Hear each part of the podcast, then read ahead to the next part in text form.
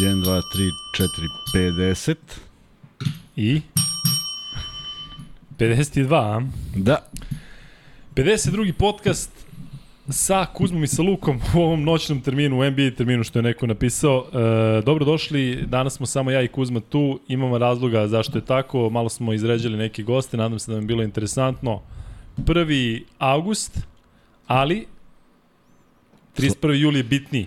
Zašto? Zato što smo 20 dana uh, ranije radili šta? Napravili najavu koju će sad gledalci pogledati, a onda ćemo da ponovimo to uživo. Dobro, vi ste videli da ja otprilike nisam sav svoj, pa sam ja Kuzmi rođendan te čestite jedno tri nedelje ranije, pa ovaj, jedin čovjek sa dva rođendana je Kuzma, tako da ajde prvo da vidimo kako je to izgledalo kad je bio promaši, da vidimo taj blooper. Neće se, ništa ti nije jasno. Dobro. E, Ajde dakle, sad. Pa ne znaš, Ne, znaš pa ne mogu setim, sad čim budeš odgovori, Pa izgovorio dobro, nešto. koji je bio, bio četvrtak? 14. 15. Četvrtak 14. je, da. Pa ne mogu ni ja da se setim koji je 14. A šta smo propustili? I posle smo Pa- pričali da smo propustili, ali šta?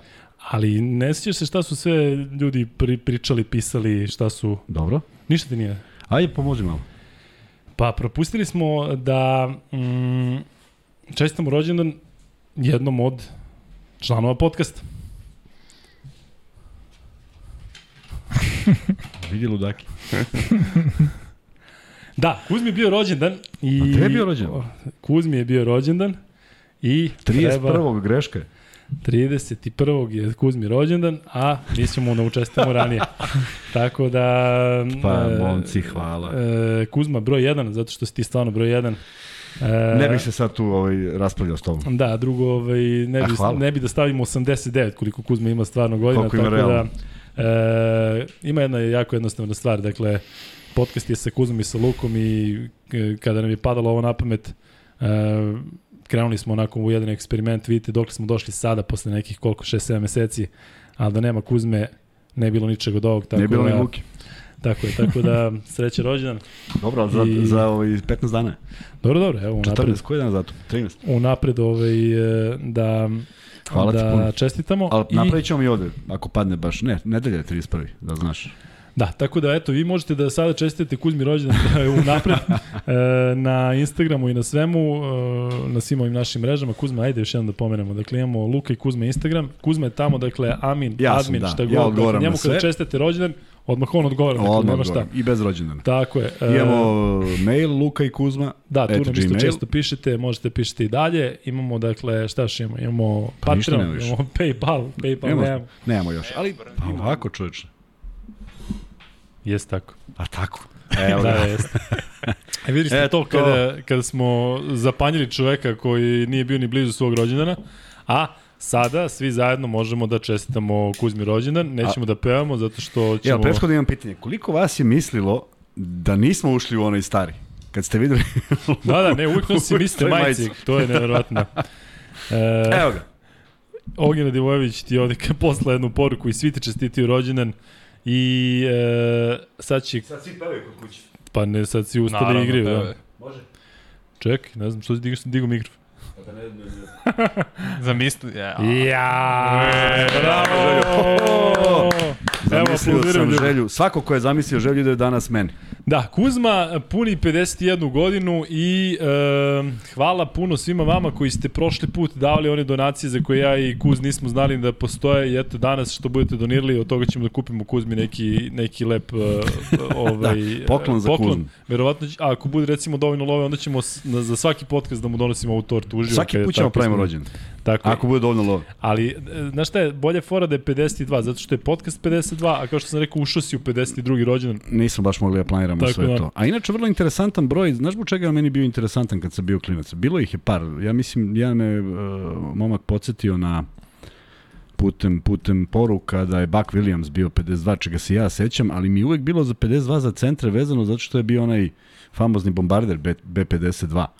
I ovaj i centri koji su birali nekako sam kapirao da biraju zbog toga što je što Da, su da. što su glomazni avioni. A Da, malo je ovaj igrača koji ih je nosilo. Šta kaže tvoj Šta kaže? Kaže uh, Chris Bebb. Chris ništa? Bebb, da ništa, priigrao u Herzli, a njegov brat je onaj Weiler Bebb što je Pa va, igrao brat za... dobro, ali Nije, nije, ovo je, ovo je sila. životinja, znam. E, pa dobro. Jim Brewer. pa ne znam šta da ti kažem. da, nije Pa mora da je neko iz, iz 90-ih nosio 52. Eddie Carey. Eto ti. Pa eto, na primjer on. Chris Dudley, sećaš se Chrisa Chris Dudley? Dudley, da ga sećam. Da, da. Matt, da, Matt Geiger, njega se čak i ja sećam kroz, kroz ovo. William Howard, Ništa, James Johnson, James Johnson, dobro, dok je bio u Sacramento. ništa. Jordan McRae, ništa. on je, gde ništa, bre, igra u To je Galatasaraju. brat godine. McRae.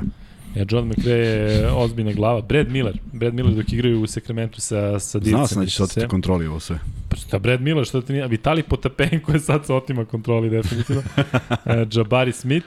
E, da, ima ih dosta, uopšte nije malo, znaš. E, recimo, Samaki Walker. Sećaš se Samaki Walker? Ne. Ali sve su centri, ja, su sve visoki George igrači. Zidek, sećaš se njega? Da, jesu sve visoki igrači. Jesu. Pa da, Mo centri Williams. su to birali. Buck Williams. Buck Williams, Buck da. Williams, da, da, da. da. E, dobro. Nećemo više da gnjavimo sa ovim uh, brojem 51. Dakle, e, Više proći ćemo 52. sada, 52. Oj da, ja sam sve vreme pričao 51. Dobio si od uh, Ćire, Ćira je glavni, glavni donator uh, Ćira- našeg. Ćira, znači prošli put je uh, prvi gruno, evo sad od Ćire imaš 5 evra, tako da... Čiro, hvala ti, bit će pametno potrošeni. Ćiro, kako si počeo da šalješ, mi ćemo imati lovu, lovu da dođemo kod tebe u Pariz da snimamo jedno tamo, tako da... Um, Imamo neke aktualne teme, ono što bih, evo pitam Marko Topalović kada je Luki rođen, 28. aprila, tad smo radili podcast, niko reči znači nije rekao, znači kada je tebi Vanja rođen? 11. Smo radili 28. Radili smo, radili smo dan, dan pre ili posle, kada Pa je tebi, 29. se prijavio ti Šta? rođen. kada je tebi rođen? 11. marta. Hvala Pa Bogu. tad smo radili. Dobro je, hvala Bogu. Ne, mi rođene, nikakve rođene ne stavimo ovde, samo tvoj rođendan E, slavi. a slušaj ovo. Slušaj, E, mi smo za moj rođendan otišli juče rano ujutru i to smo ovaj, objavili, ali uh, nismo objavili više od one to slušaj, Poruke. slušaj ovo pričaš meni. Tebi pričam, da. smo Da li sećaš, da li sećaš, da. ne znam da li sećaš. Da. I nismo objavili mnogo više od one poruke koje smo vas pozvali da, ovaj, da, da u stvari za koju smo rekli da će majice biti u toku ove nedelje, ali smo snimali, e sad, mi smo dovoljno veliki idioti da nismo mnogo toga znali da snimimo. Da. A, sve je bilo na levu ruku. Ali bar da, ali bar da smo dali koš da pogodimo, znači ajde kam... A, Bio bilo je to priličan. jako, jako teško. A, najbolje detalje, nažalost, nismo snimili. Da, zato Bilo što nismo, dvojica, znali, nismo da. znali da pritisnemo snimanje. I da, ono kada Kad Kuzma god smo recimo mislili da smo ubacio 50 za pritisnuli, redom, da. kad god smo mislili da smo pritisnuli, nismo. Tako je. Ali smo ovaj, napravili jedna dva, neka dva ovaj, snimka, izvukli iz svega onoga i onda je Vanja napravio još veći, veći zez, pa je ovaj, prebacio, pošto je sve bilo levom rukom. Da, nam izgleda ono što bi Da. ti rekao Miro, što smo Tako tražili. je, on je vratio na desno, Da. hteli smo napravimo fazom da smo šutirali levom, pa smo zato tako slavo pogađali. U svakom slučaju, evo ga Lukin ovaj, učinak uh, od juče. Kao što vidite, nije ni u kadru, ali to Ja sam, ja sam taj. E, vidiš, Lukin učinak promašio prvu. nije, nije, samo prvo. Vanja, što, nisi, je što nisi sekao, Vanja, ovu prvu? Trebalo tamo da krene od drugi. Ne, nego ovo što Viš, mi, viš kakvu formu imaš. ovo što mi je, što mi je vraćao loptu, ovo je... Namerno sam vraćao bez veze. Da, da. Iako se krećem, ko, ko, ko gepa. E, znaš da imamo jedan klip ono kada sam tipa šutnuo 2 od 6, kada si se ti nešto zateturao, kad si završio nešto u auto, kad, se, kad te je ponelo, znači. Da. I kakav je koš, sve, sve, sve usisao. Tu je, tu je rekao Ovde zašto sam, nije ušla. sam u Jekevu. Ovde je rekao, pobogu zašto nije ušla. Da, da.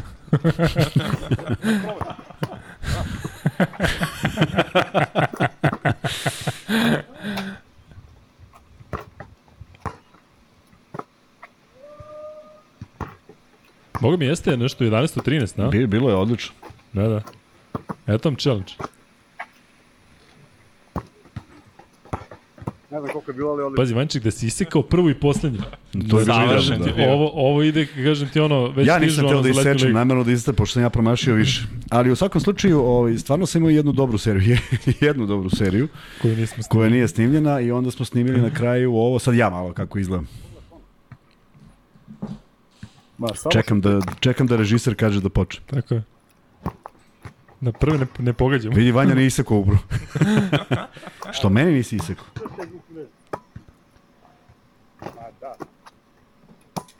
Imam i bodrenje od svog kolege.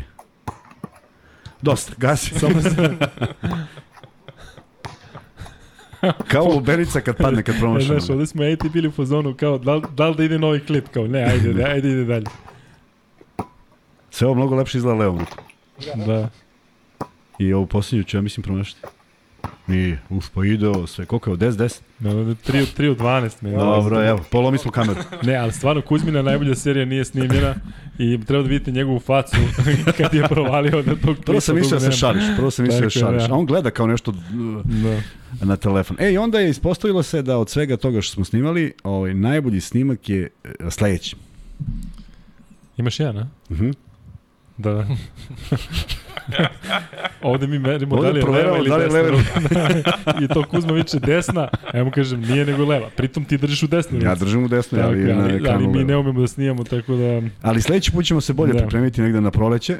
Ovaj, da, da, da, kada, se, kada se vratimo, kada prođe upala mišića. Zato što ne di Bože sada počne da gori, da je požar, ja i Kuzma ne bi mogli da ustanemo iz stolice zato što smo pod, eh, pod ozbanim upalama, ali ono što sam zakucao, reci ljudima da je E, bilo ono što je posle 3 zakucao, ja- sata mučenja. Jeste, znači, to je kraj, da. to je završni ovaj moment i stvarno treba da znate da je koš normalne visine. Možda je za santimetar niži, ali Ne, on je normalne visine, samo je malo, malo je ovaj, ali apsolutno nije, evo da. vidi se po šutu, nismo mi I što je neko rekao, kaže zglobna tabla, to sam vidio zglobna da su tabla, jeste. A i dobio si opravdanje zašto se zovu Sky. Iako nije zbog toga. Tako je, da. Jeste da letiš, ali nije zbog toga. Da, letim, ali a, ako ima neko od vas koji ima 40, ja sam napravio 40 godina 28. aprila, ovo kada nismo proslili moj 40. rođendan, pazi, jubilan, njegov 51. slavimo, ali ovaj, e, 40. rođendan sam napunio, ako ima neko, sećaš se manje da je bilo ono kao Carter za kucava sa 40, pa onda kao Jordan sa 51, znaš da je to, to je 51, kao... šta si rekao, 57? Julius 60. 60. Da, da, Si da, namjerno to je rekao to. 51 da me motiviš? Tako je, pa nego šta. E, evo, Kuzma, imaš milion, milion ovih e, čestitki. Hvala, da. Ja inače imam običaj da se zahvalim svakom ko mi česte rođen. To je ovaj, malo naporno, ali mi je drago. I ako pogledaš moj Facebook nalog, apsolutno svaki čovjek koji se javio je dobio odgovor, bez A ja greške. ja imam običaj da ljudima ne čitam pitanja, pa onda mi tamo psuje. E, znaš da ima to E, zato da, ne slavimo da, tvoj da, razumeš? je, Da, Ti jasno sada. da, a sad, bez zezanja, znaš da je stvarno teško pročitati, zašto što imam više pratilaca, live-ova i svega, znači te- teško je. Pa ne moguće, skoro baš je ludilo. Ne moguće zato što izlazi non stop. Još posebno kad meni jednom zabaguje pa mi nešto ode gore dole.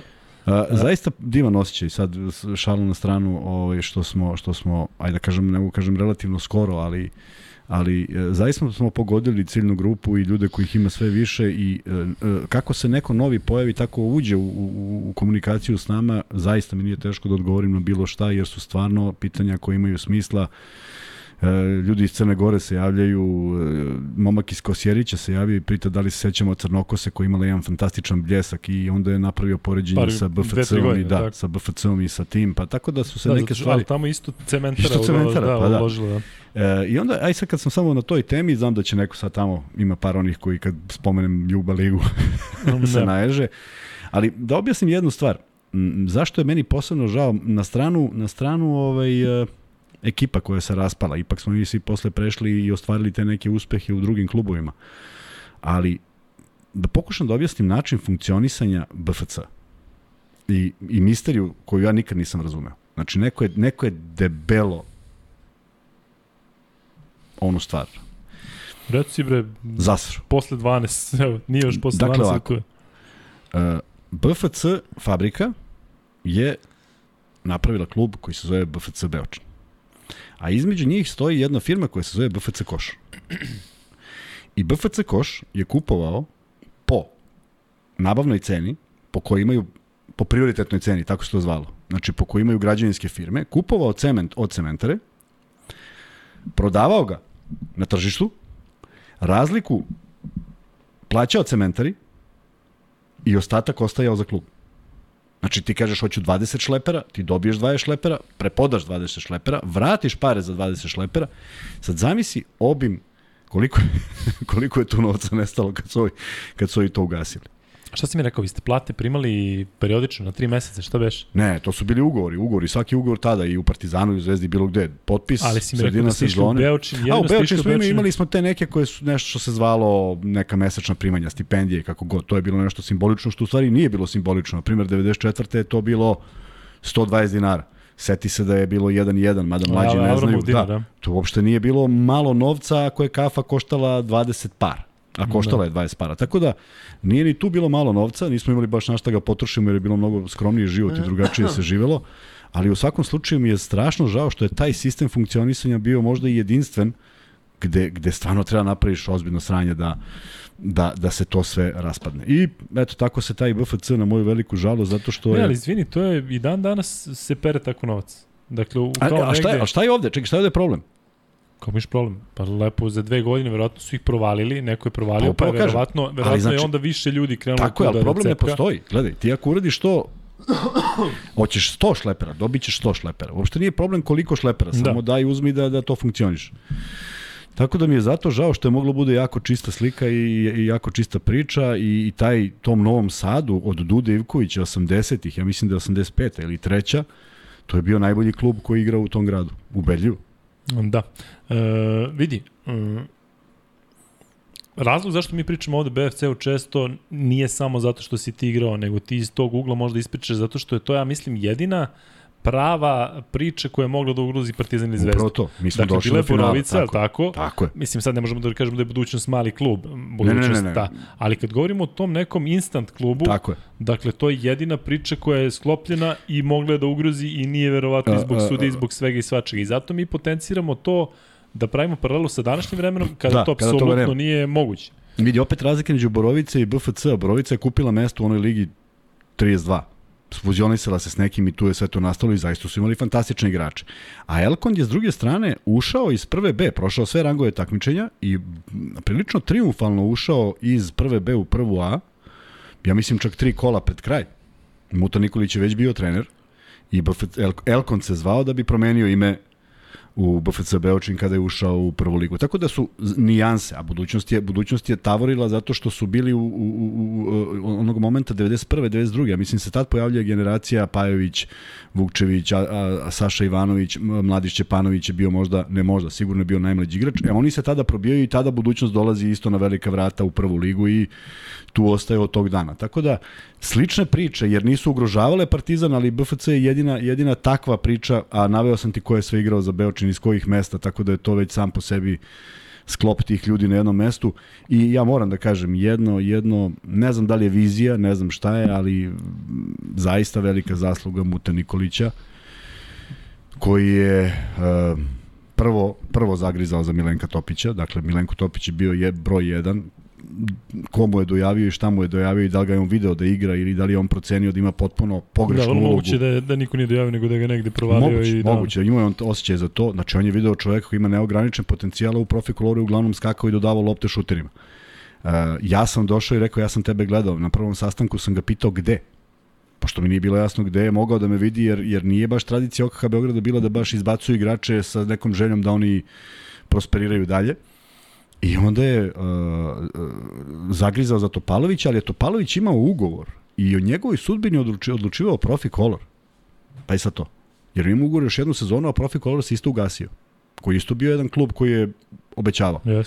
I onda je Profi Color želeo da se dogovori sa Kolubarom da Topalović karijeru nastavi u, u Kolubari iz Lazarevca. Da bi onda BFC pre, prekinuo, ja mislim da su platili neko obeštećenje i Topalović se pojavio kod nas na pripremama. Dakle, počela je sezona. A ste znali ko je? Da, da, da, kako ne, uh. Igrali protiv njega, tako?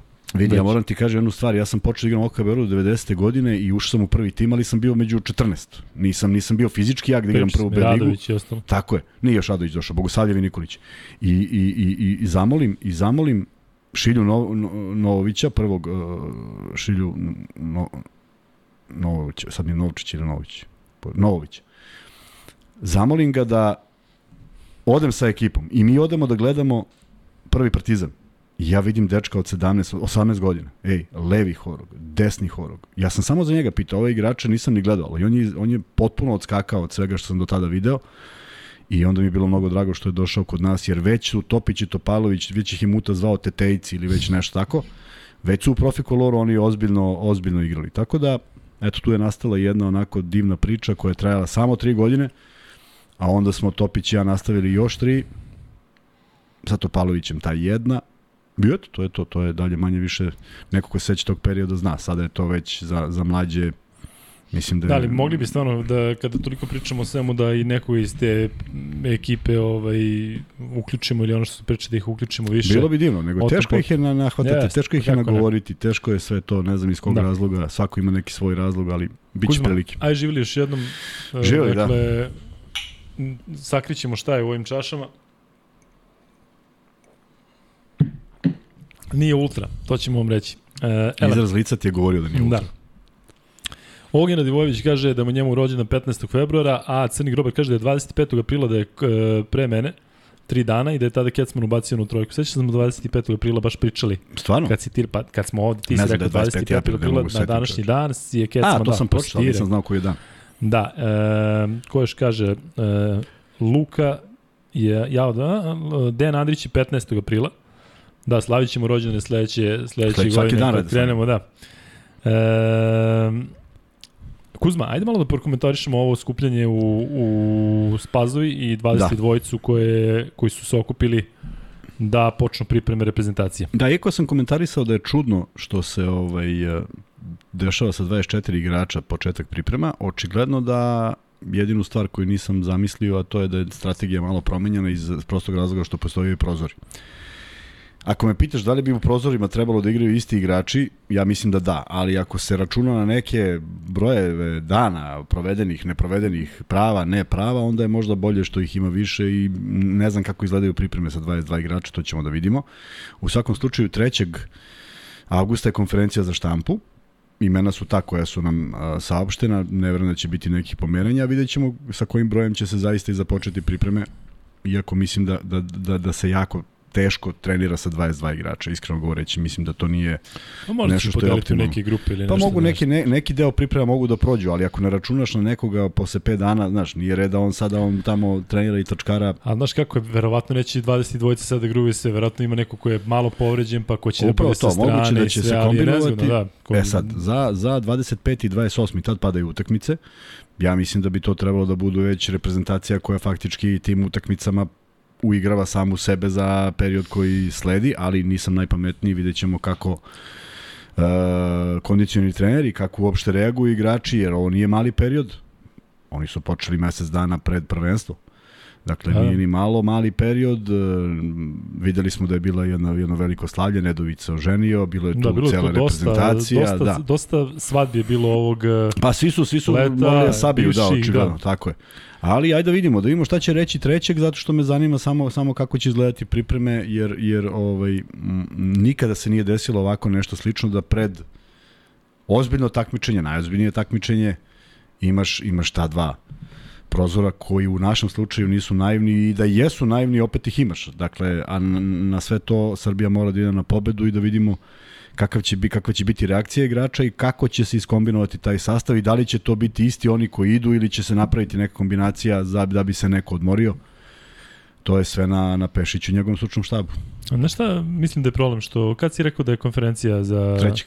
Mislim da neće biti, da nema više novinara koji će tamo da idu i da rešetaju pitanjima, ne da oni sada ne znam šta, nego tipa Neće, da se pita, gde Teodosić, a gde ovaj, samo će a gde onaj. Da. Dakle, sve ono što ti kaže da je trebalo da saopšte, Znaš, neće, nećemo saznati verovatno ništa novo, kao i obično na, to, na toj vrsti konferencije, ali dobro. Pričat ćemo naravno još o, o reprezentaciji, ono što mene jako rado, mi ćemo imati uh, podcast uh, 18. avgusta, a 17. avgusta se igra ona prijateljska između uh, Srbije i Slovenije. Svi tu pričaju i Jokiću i Dončiću koji naravno jesu u prvom planu, ali bit će tu mnogo interesantnih duela. To će biti zaista sjajna proba i za jedni i za druge. Delo je kao da je prijateljski meč, ali uh, videli ste verovatno i danas da su izašli oni uh, E, izbacile su kladionice ko su najveći favoriti za, za titulu. Slovenija je prva, Francuska je druga, Grčka treća, mi smo četvrti. Ja mislim da je to čak realno.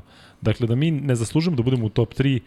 Pre Slovenije nismo, A kako pre Grčke nismo? Zašto nismo pre Zato što imaju Kalatesa i, i Slukasa. Pa dobro, koji, pa mogu da imaju koji, I imaju Antetokumpa. Pa dobro. I imaju jako dobro popunjeno. Ajde ova četiri brata braća Antetokumpa, to nije, nije uopšte meni interesantno, ali da je da nema ovakva dva pleja, ta ekipa, kažem ti, ne bi bila. Ovako će oni znati da, da koriste baš ovog, pritom i Tudis trener, konačno imaju domaćeg trenera, toliko su ga dugo čekali, Ja mislim da će biti iznenađenje u svakom smislu, tako da možda neko od Grka, ali neko će napraviti dobro, neko loše iznenađenje, ali neće to baš ići tako kao što je projekt ono, kao što nikad i nije. E, baš se radujemo zato što mislimo da će ovo biti, za mene je ovo najveće evropsko prvenstvo do sada, zato što baš imamo e, imamo mnogo jake reprezentacije, imamo te NBA igrače koji su ne vođi u svojim ekipama, nego su glavni u ligi. Dakle, imaš e, Antetokumba. Imaš tri igrača koja su, jel, jel tu i ovaj Francuz? E, misliš Koji? na Embiida ili Da. misliš na... Šta je s Embiidom? Ne, Neće igrati. Mislim, ne igra, Embiid će propustiti ovo sigurno. Tako, ali- može od ali on je- svetskog. Dakle, A neće ni igrati Tako ni. Vembanjama. Aha. Vembanjama neće, ali dobro, on je manje Znači bitan. imamo tri od, tri od Zbog povrede četiri neće program. Pa da, ali svejedno misliš da bi, da bi imao minutažu Vembanjama. Mislim da bi. A čekaj, ili igraju svi ostali, de, ne, Dekolo ne igra, ali ovi ostali igraju, tako? Treba bi valjda i Gobert isto da igra. Pa to kažem, Gobert Da, da. igra... Dobro, Francuzi, šta znam, uh, video si onu zabranu kao da neće moći da igraju Francuzi koji igraju u Rusiji. Uh, Video sam danas Da, to je potpuno... besmisleno. Da, Zamisli, da, kažem, imaš svog igrača. Da. Da. Znaš, zamisli sad ti, mi kaznimo nekoga zato što igra, ne znam da je to već, kažem ti, počinju da gubi Ludilo, kompas. ludilo, gubi se kompas. Odavno se izgubio. Pa jedan igrač je potpisao u Španiji da se odrekne da Jeste. će igrati za reprezentaciju, ali ja Dobro, te Špance ime. zaboravljamo, dakle oni, ovo možda deluje smešno sa Lorenzo Brownom, ali uh, nije, nije meni to nešto što, što znaš, um, ok mi je, nemam problem nikakav sa, sa, sa tim, vidjet ćemo kako, su, kako će biti ekipa. Uh, Vanja, ti si vidio da je Edwards pod, uh, došao u, uh, u Evropu? To je bivši sad play Bostona. Da, da, Carson. da, da. A to će biti super. Da, s tim što ja nisam toliko siguran da, da će nešto raditi Feneru. Ti, ti su mi uvijek nesigurni tako kada dođu, pa kao, znaš, hoće da ovo, a Možda neće u prvoj gruva. godini da uradi, ali, ali... nema čekanja u Feneru. Znaš da će uče, kao u Feneru da ga istrpe. Ma kako? Pa, nema mislim da hoće. Mislim da hoće bar dve godine. Ajde malo da pričamo o Kuzma, o Jelenu Adamsu, a kaži ti pa ću onda ja da pričam malo više zato što tog Jelena Adamsa sam toliko puta prenosio prethodne sezone dok igrao za Sydney Kingse i kada ste nas pitali koji bi playmakeri bili podobni e, Zvezdi i Partizanu, nekako mi on nije padao na pamet zato što nikada nisam verovao da igrači iz Australijske lige mogu da dođu kod nas, zato što je tamo baš jaka liga, dobro plaćaju, sigurno je, Ali ti si ga pratio, ja malo znam o njemu. Jelen Adams je ubica. Jelen Adams je dakle neko A gde ko- ti onda ga najaviš tamo ranije pa da budemo Ne, ekskluzivni? Pa de, kažem ti, ne, kažem ti da ovi da mi ovi iz Australije uopšte mi nisu padali na pamet. Znači, bukvalno znaš da je bilo ono e, da dođe ovaj naš, što igra sa njim, e, šuter, e, Dejan, poreklom je naš, Vasiljević. Vasiljević, ali ovaj... A pitao si i za ovog što je bio u Zvezdi, kako se zove veš? Ko bre? Pa ovaj crnac što je bio u Zvezdi. Što je bio da prošle godine u Zvezdi? U kome pričaš, ne znam da li pričaš Crnac koji je bio u Zvezdi, Što si pitao, baš, ti, baš smo pričali da li ima šanse da dođe, ti si rekao konstavo da su dobro plaćeni dole. John Brown. Ne. Ovaj visoki bre momak što je obećao, što je pravio dobro, bio u FNP-u. Ništa. Duprit. Bože, kako se zove čovjek? Da igra, sam mi reci da igra. Ma u Australiji. Igra u Australiji. Ti si rekao da igra u Australiji i pratio si ga i gledali smo ga. I igrao u Zvezdi do pred godinu dana. Pa Rit. Pa je on? Pa šta si izgovorio sada? si ga- Pa da. Pa ne znam šta si rekao. Ma bre, o visoki oni što si ga ti prenosio u Euroligi. I ti si rekao da su dobro plaćeni i da se zato ne vraćaju da, u da, nego sam ja razmišljao da, dobro, on je, dečko, kažem ti, pa jesu bili tad bolje plaćeni. Ne znam, Ali ja ne sad se izmenilo sve ovog leta. U svakom slučaju, ovaj mali Jalen Adams je neverovatan, dakle, kakav osjećaj ima i ja sam siguran da će biti ili e, otkrovenje ili će totalno da bude promašaj. Dakle, ne vidim ga otprilike da on sad kao tu neko ko, e, ko može da da figurira kao neki backup play ili nešto. Dakle, on će ili biti lider zvezde, ili će nekako potpuno da se da se čoukuje što se kaže. Ne, ne mogu da prepoznam, dakle nisam kod njega video taj neki moment kako reaguje na publiku i sve. Delo mi onako da je prilično miran, ali kakav osjećaj ima u trenucima kada treba da se da se pogodi i pritom on daje po 28, 32, 35 poena i opet uopšte nije takav sileđija. Pritom u trojke ulaze na neverovatan način, ulaze bez koske. Mislim da je on naj... Um, Pa dobro, od ovih svih evroligaša, evroligaških igrača koji su došli u Zvezdu, možda ne može da se kaže da je on e, najveće pojačanje, ali mislim da bi mogao da bude najprijatnije iznenađenje e, naredne sezone u Crvenoj zvezdi. Zaista svaka čast što su ih što su što su doveli Jalen Adamsa i kažem meni će baš biti zanimljivo da da pratim šta se šta se dešava sa njim.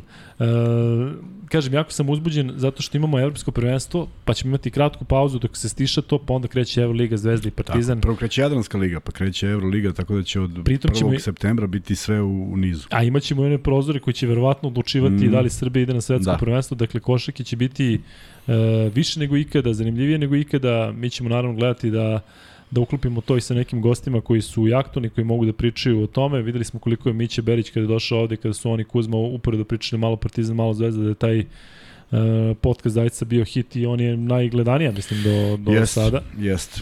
I Ali tako. vrlo je bitno ono što smo spomenuli. Dakle, uh, uh, odlazak na evropsko prvenstvo zaista uslovljavaju ove dve utakmice. Odlazi se u jednoj ili u drugoj atmosferi.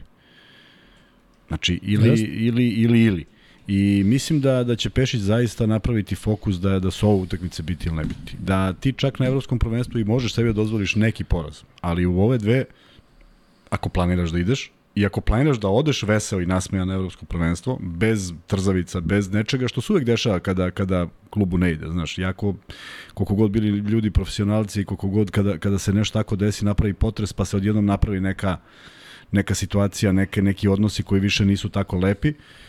Ali ajde da, da, da zaista da verujemo da, da su ovi igrači iznad toga i Teodosić ako bude tu kao čovek koji je eto rekao onu rečenicu možda bi trebalo da pogledaju svi njegovi saigrači onaj moment kada je osvojio Evrokup i kada je pričao o a, spuštanju ega ispod onoga što ekipa treba da uradi, da jednostavno svi budu zajedno. I ja mislim da samo sa takvim a, a, sa takvom, takvim uverenjem i takvim pristupom možemo da napravimo nešto što možda svi očekuju.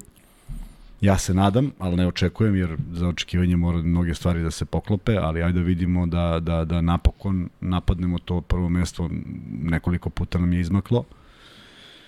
A sad imamo sastav za koji nema opravdanja, dakle nema Bogdana Bogdanovića, što jeste ovaj veliki hendikep, ali to su igrači koji su odigrali odlične sezone, koji mogu da kompenzuju taj njegov nedostatak i imamo jednu zaista možda možda čak u ovim novim vremenima u najboljim godinama reprezentaciju, jer koliko god ovi da imaju godina da su iskusni preko 31, 2, 3, to su godine koje u savremenoj košarci još uvek traješ. Da, Da. Nije, nije kao nekada da, da se, jer su mnogo ovaj, povećani ti neki načini oporavka, trajanje, e, e, vode računa o svom telu, moraju da vode računa o svom telu, sve je podređeno njima, tako da eto, produžavaju karijeru i mislim da je ovo zgodan moment da svi naprave jedan vrhunski rezultat koji će pre svega njima mnogo značiti i ulaze u neku legendu. A šta misliš? E, šta smo rekli, kada su e, ti prozori bitni? 24. i 28. 25 i 28. 25. i 25 28. Znaš šta mislim da je problem? Ja sam ubeđen da će nas Slovenija da pregazi sa tog 17.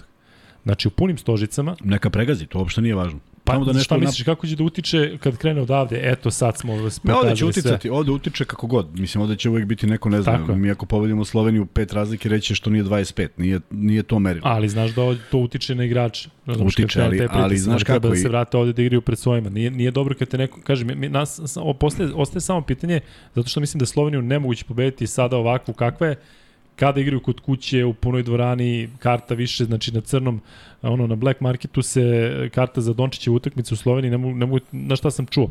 Dakle, to će da gori i, i jednostavno oni igraju tako, igraju brzo ako nas ubacu mašinu. Samo post, imamo pitanje da li ćemo mi da izgubimo malo ili ćemo da izgubimo mnogo. A zar nije divna prilika da ih razočaramo i pokvarimo svo to veselje, na primjer? Jedna reprezentacija koja hoće pokaže da ne vraća se da igra, nego se vraća da uzme. Taj Bože, pa ja bih prvi rekao, ali, je, ne vidim to je to, pristup, vidim ali to. to je pristup koji moraju da stvore. To, da je- se to ono, je, od onoga što smo gledali protiv Belgije, sad odjednom, jeste da će biti novi igrač, da neće će biti ti novi igrač, tim. neće biti, bit će potpuno novo, koji mora da dođe i kaže mi sad hoćemo ovo i da se tačno pokaže šta hoće, jer to je, jer ti bi pobedom, pobedom nad Slovenijom, koja je izvesna i, i, i neizvesna u istom odnosu. Ne vidim ja sad koja je tu neka snaga, a ovde nema snage. Naprotiv, mislim da su vrlo slične ekipe, ako ne želim iz neke subjektivnosti da dajem prednost Srbiji. Ali zamisli sad ti uzmeš i zvizneš tu Sloveniju u stožicama, u punom i koju ti poruku šalješ dalje. Pa svi su, pa eto, mora se uradi. A ja mislim da imamo kvalitet, uopšte ne mislim da mi to treba da uradimo uz neku magiju. Imamo kvalitet. Samo da se nađe ko šta radi, zašto to radi, kod koga je lopta, gde ide lopta, šta se dešava. Ima vremena. Nije mnogo vremena, ali ima vremena. Tako da na, na tome da se na tome treba da se radi, da svi E, budu zadovoljni. gde ima vremena? Danas su se okupili igraju za, za 16 dana igru Pa protiv 16 dana, Slovenije, pa koja je u tom sastavu igrala uh, sve su to naši hendikepi, sve to stoji. Znači, sve su to naši hendikepi. Više to vidiš, vidim kao njihove pluseve nego naši, Njih, naš jesu hendikep. plusevi, jesu plusevi, ali mi sada i za tih 16 dana, kad uzmeš tu utakmicu, uzmeš dva prozora, to znači da imaš sve ukupno 20 dana priprema. Pa što sad, 16 je manje od 20 za 4 dana, pa ćemo da bljesnemo na evropskom prvenstvu. Mi moramo da bljesnemo na prvoj utakmici. Mi moramo da pokažemo ne da bude straobalno lepa igra, ali mora da se pobedi, mora da se pošalje poruka svima koji nas čekaju tamo na evropskom prvenstvu. Ja to tako gledam, jer mm, ne bih volao da bude drugačije, zato što sav taj jedan poraz, drugi poraz, ako se vežu, ti ne stvaraš tu neku, neku pobetničku energiju, nego, nego gubitničku i ne želim da verujem da možemo da izgubimo tek tako i želeo bih da vidim kvalitetnu utakmicu. Pa i ako izgubimo, ali smo odigrali dobro, dovoljno dobro da se još neke stvari doteraju, to nije problem. Ali ako ne budemo postojali, a ne vidim ni jedan razlog da je Slovenija u takvoj prednosti u odnosu na nas, bez obzira na uigranost, bez obzira na bilo šta, moramo da mi posjedujemo kvalitet, mi moramo da pokažemo to iskustvo. Zaista je drugačije kad imaš jednog Teodosića na parketu koji kontroliše loptu, to sam ubeđen. Mnogo je drugačije kad imaš Svasu Micića koji zamenjuje ili igraju u paru zajedno, ipak je to druga priča. Ipak Kako je, to nešto gde ti dolaziš do jedne sigurnosti. I sad samo naći šta je to što se radi na terenu. Jer, uh, ako smo, ako, a svi smo svedoci, svi smo svedoci majestralnosti Vase Micića na Final Four. Bez plajsa, koliko je lopti ušlo u reket? Malo. Malo. To neće moći u reprezentaciji. Mislim, neće moći jer neće biti, ne, ne ide. Dakle, sad je tu zaista vrlo bitno kako to, kako to napraviti da funkcioniše. Znaš šta, ne vrem da je za poređenje zato što mi nemamo takvog napadača na beku kao što je Larkin. I onda ti kad imaš Micića i Larkina s polja, dakle imaš dve, dva takva oružja da tebi jedan plajs koji je koristan potpuno drugačiji sistem. Jer ko, ko, ko može da, zato što Micić i Larkin se dopunjuju, tako? Ali, jedan trpa pa drugi trpa. Ko može ovde da trpa kod nas na bekovskoj poziciji da kada Micić recimo malo ispadne, a sad kad nema Bogdanovića, da preuzme tu, tu uh, ajde da kažem, šutersku ulogu, odnosno zato i kažem, ulogu. Zato i kažem, kogod je na poziciji beka, mora da se napravi sistem po kojem igraju. Dakle, ako nisi navikao na taj sistem, mora da se prilagodiš tom sistemu. Ta lopta na neki način mora da uđe, ne da Jokić da 48 pojena, ne zanima to nikoga. Ta lopta mora dođe do njega. Ne svaka, nije sad neko lud da bude sam i da gleda gde je Jokić, ali on mora da bude neko ko pravi prostor u ekipi. I da vidimo koliko imamo kvalitetnih šutera, a mislim da ih imamo. Prema tome, uh, ja zaista želim samo da verujem da će oni od, od, od danas kad su se skupili da rade, da rade u jednom cilju i da rade naporno. I da niko ne izmišlja tu nešto i da jednostavno budu zdravi i da mi u najjačem mogućem sastavu, koji god da je to, ne da li se nama dopada zašto nije pozvan ovaj ili zašto nije otišao ovaj, nego jednostavno da tih 12 bude najjači sastav koji imamo u razumevanju, u poklapanju, u nepreklapanju, u znaš, imaš te neke sitne te finese kada ceo stručni štab vidi da je neko nezadovoljan. Pa, znaš, primeti se to kako prolazi vreme, pa bolje da ga nemaš u tom trenutku nego da slovi za kvalitetnije ime, a da pravi problem. Prema tome, e, imaju dosta težak zadatak, imaju teške protivnike, imaju nemoguću misiju sad iz sa ovog aspekta ako mi posmatramo da smo e, izgubili od Belgije i od Letonije, ne možemo mi pričamo u sad samo ti prozori sad će tu da se ne ide to tako. Ali postoje ljudi, postoji kvalitet i ja želim da verujem da će oni to da. A, ajde samo još kratko o toj Euroligi, zato što ljudi vole kada pričamo o Zvezdi i Partizanu, iako je to, ajde da kažemo, prilično daleko. Međutim, da li ti se čini da recimo Zvezda i Partizan sada postaju timovi kao što smo i pominjali, da je Bayern, da će imati 14 jakih igrača koje sve može da koristi trener. Viš ti koliko se tu, sećaš se kada smo pokušavali da nabrojimo centar u Zvezdi, pa sad ti za Nikolića, on će da bude peti centar Ako da je dođe, došao, da. ako dođe. Ali nekako sada se onako baš e, skupljaju igrači nije više sad kao ono fali nam poziciji, na poziciji beka 1 pa smo mi doveli beka i sad smo završili. Ne, ti imaš na svakoj poziciji dvojicu, trojicu dobro plaćenih stranaca, nemaš dobro plaćenih e, na svakoj poziciji, ali i domaći igrače. Čini mi se da će biti baš borba za 12.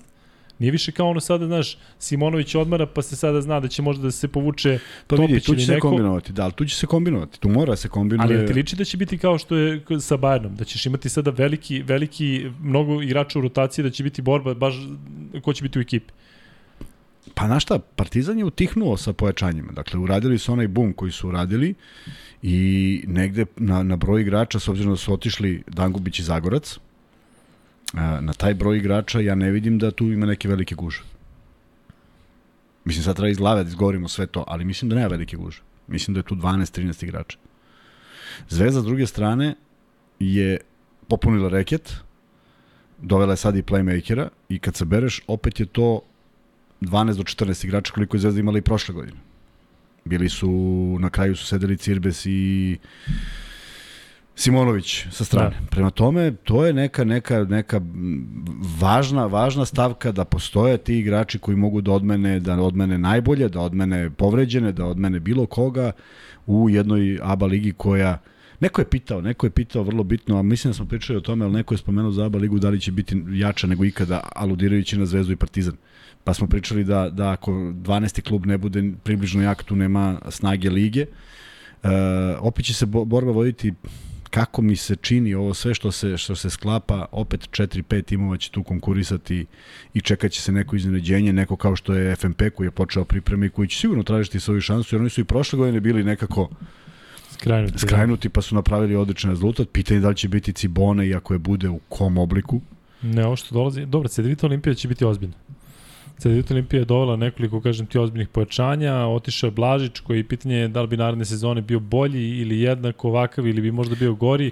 E, mislim da Cedevita Olimpija nije toliko izgubila odlaskom Blažića, da su zadržali onako neke bitne igrače, da su doveli par pojačanja. Ne verujem da mogu da ugroze Partizan i Zvezdu, ali e, iskreno deluje mi da će ABA Liga biti dosadna u odnosu na Euroligu. Da li ti stvarno misliš da će sad recimo Partizan igra protiv Fenerbahča, a Zvezda igra protiv Reala? U petak i onda ko, s kim god da igraju, a da ne igraju između sebe za vikend, da će to da ima bilo kakvu težinu. Pa neće imati težinu, ali mora da se igra i to. Mora da se to mora da se koristi za neko igravanje za utakmice koje predstoje. Dakle, tu mora maksimalna ozbiljnost, jer videli smo i ove godine nekoliko rezultata koji su potpuno iznenađujući, što Zvezdini, što Partizanovih a negde je tu cilj i dalje onaj cilj prekriveni biti tu prvak, jer još uvek je to garant. Nije garant, mi nemamo još informaciju ko dolazi na čelo uh, Evrolige, može dođe neko ko ne voli srpsku košarku i ne zanima ga mnogo za tradiciju srpske košarke i da sve to preokrene za jednu noć, nadajmo se da neće ili da kaže da će sad iz nekih drugih liga da uzima klubove, nadajmo se da neće, ali vrlo bi bitno bilo uh, sada, kada je Zvezda, kad je Partizan uradio ovo da, da uđe u Euroligu, kad je napravio taj respektabilan sastav, kad je Zvezda po 6, 7, 8 put u nizu, 9 ili jedan besednim preskokom u Euroligi, da se napravi taj jedan pritisak da se tu negde uh, ne, nešto, nešto nema Rusa, pa pitanje koliko ih neće biti, ali makar u ove dve godine gde mislim da ih neće biti, kak, kakva histerija i dalje vlada, da se iskoristi na neki način sa nekom wild cardom, kartom na dve godine, a da prvak ide, jer više nema odakle da, da dolaze klubovi. Ljudi su u zabludi, neće četvrti španski klub, peti španski klub ići u Euroligu, nema novca.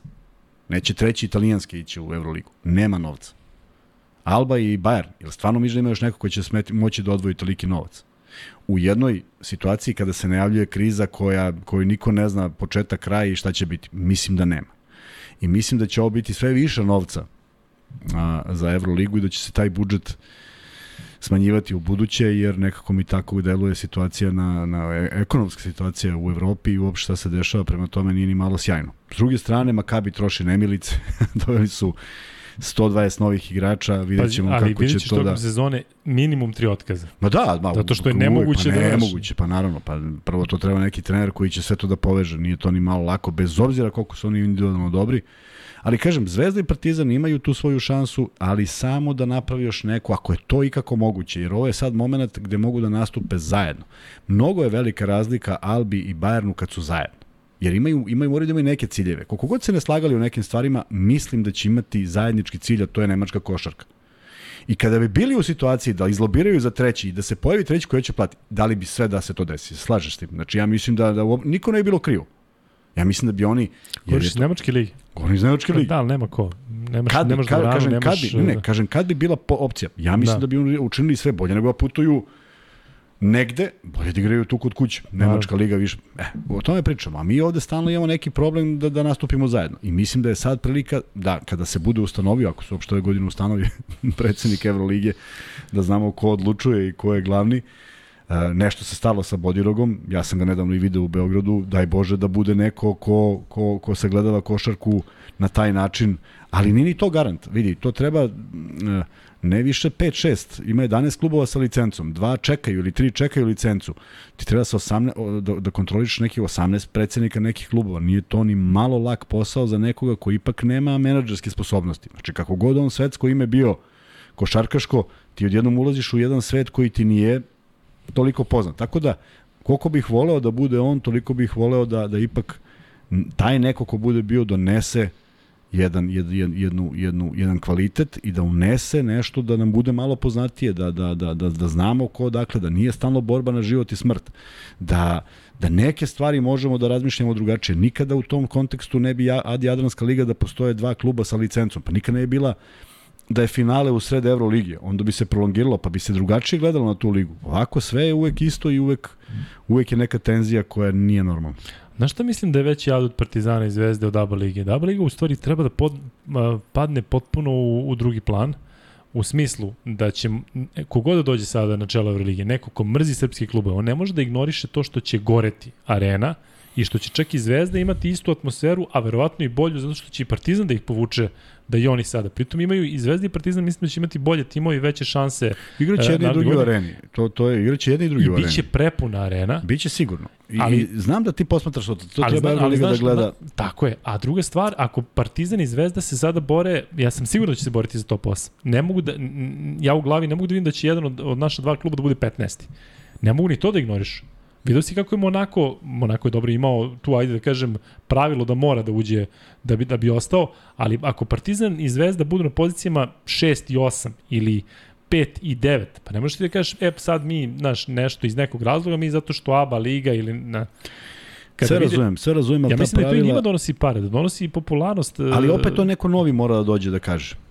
A ne, znači, to, je- ali to je toliko očigledno. Znači, kad imaš 20.000 ljudi da se trese hala, ja mislim da i uživaju oni koji dolaze tu da igraju, Ej, svi klubovi. Potpuno se slažem, nego ako pričaš finansijski, ako ti pogledaš koliko su tri ruska kluba uložili u košarku, onda nikad ne bi smeli da ispadnu. Ali Kuzma, oni nemaju navijače, to je Ne, ne, bitan ali, ali, govorim, ne, ali govorim ti koliko su oni para uložili u košarku, koja sigurno donosi profit Euroligi. Ne može da ne donosi. To što oni nemaju navijače ne može da ne donosi. 100%. Nije, nije to jedina stavka. Nije jedina, ali je bitna. Pa Ideš donose neke igraš, sponzore, pritom donose- i- Ima i tu i tih putovanja na neke, de, de, znaš, ima, ima dosta minusa, ja ne vidim koji nas može da bude minus, osim ako ne bude, ne Bože, neki incident. Šta mogu oni da kažu, čekaj, pa Zvezda i Partizan, sad imamo konkurentne timove, imaćemo pune dvorane, svi će voleti to da gledaju, tražit će se karta više, bit će, kažem ti, traženi mečevi, vidjet ćeš kakva će, pom, evo, već sad, ja ne sumnjam da će biti, ja uopšte ne I sumnjam onda da će neko biti. da kaže, e, pa znaš, ipak nećemo mi... Zato što može da kaže. Zato što Može. nema to Naravno, upisano, može da kaže, zapisano. nećemo ni jedan ni drugi, naravno. Tako je. A mislim da je zajednički poduhvat treba da bude da bude. Da se uradi sve što treba da bude. Ajde, ima još vremena do, do Evrolige. Možemo da pređemo odmah na vaša pitanja. Vidim da je dosta pričato bilo u Raselu. Ja i Vanja ćemo to proći u onom delu, naravno, kada budemo pričali o NBA ligi. Definitivno je set ostao bez jednog od najvećih košakaša ikada. Juče sam prenosio uh, basket i bilo je lepo što su srpski timovi igrali u turniru u finalu turnira u Pragu, Beograd je igrao protiv UBA, ubio to, dobio, sve je bilo super, ali baš u tom trenutku kada sam radio prenos, stigla je ta informacija da je bilo Russell preminuo i nekako kada neko tako ode veliki jako 88 godina, da. Ipak je ozbiljan, ozbiljan udarac za, za košarku. Ja opet pozivam sve vas da pogledate na, na YouTube-u, ima uh, petominutni, možda malo šest minuta traje snimak, uh, Bill Russell block art.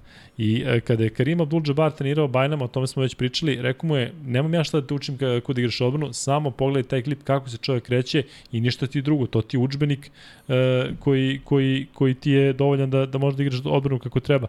Tako da pričat ćemo naravno e, i o Russellu kasnije. Ali, Igrač ispred svog vremena, igrač koji je mogao da igra u Jeste. više epoha. A pritom on i Chamberlain, dakle, Da, da, u tom, baš imao u tom, nekoga s kim da, se, da, se, da se gazi. bije, da. To je neverovatno i zaista ovo, jeste veliki gubitak za košarku. Ono što pričam sa ljudima, bio je taj Goran Marković kod nas u, kod, u, u Beogradu, pa pričam, nije, nije to samo kod nas. Mi mislimo da se gubi ta sećanje, to sećanje na naše igrače na Jugoslaviju, na uspehe 90-ih, mislim da je globalno, znaš, nije uopšte ovaj, um, samo da je vezano za Srbiju, jednostavno dostupnost informacija i sve ove informacije koje se nekom detetu ubace u glavu, teško je probre, prebirati po tome i reći šta je kvalitetno, šta nije, a ima ih mnogo i onda ne rade neke stvari koje su možda konkretnije, a to je da se na neki način pamte ovi velikani koji su zaista velikani u svakom smislu i jedina dobra, jedina dobra stvar, nije naravno dobra stvar kad god neko umre, ali, ali ima je 88 godina, dakle ne može da se poredi sa nečim što se desilo, eto, Kobe Bryantu i gubitku koji je on uh, prouzrokovao svetu potpuno zato što je da, i- potpuno drugačiji osjećaj, ipak je ovo bio čovjek u godinama i ostvarena karijera i sve, a ovo je bilo nešto što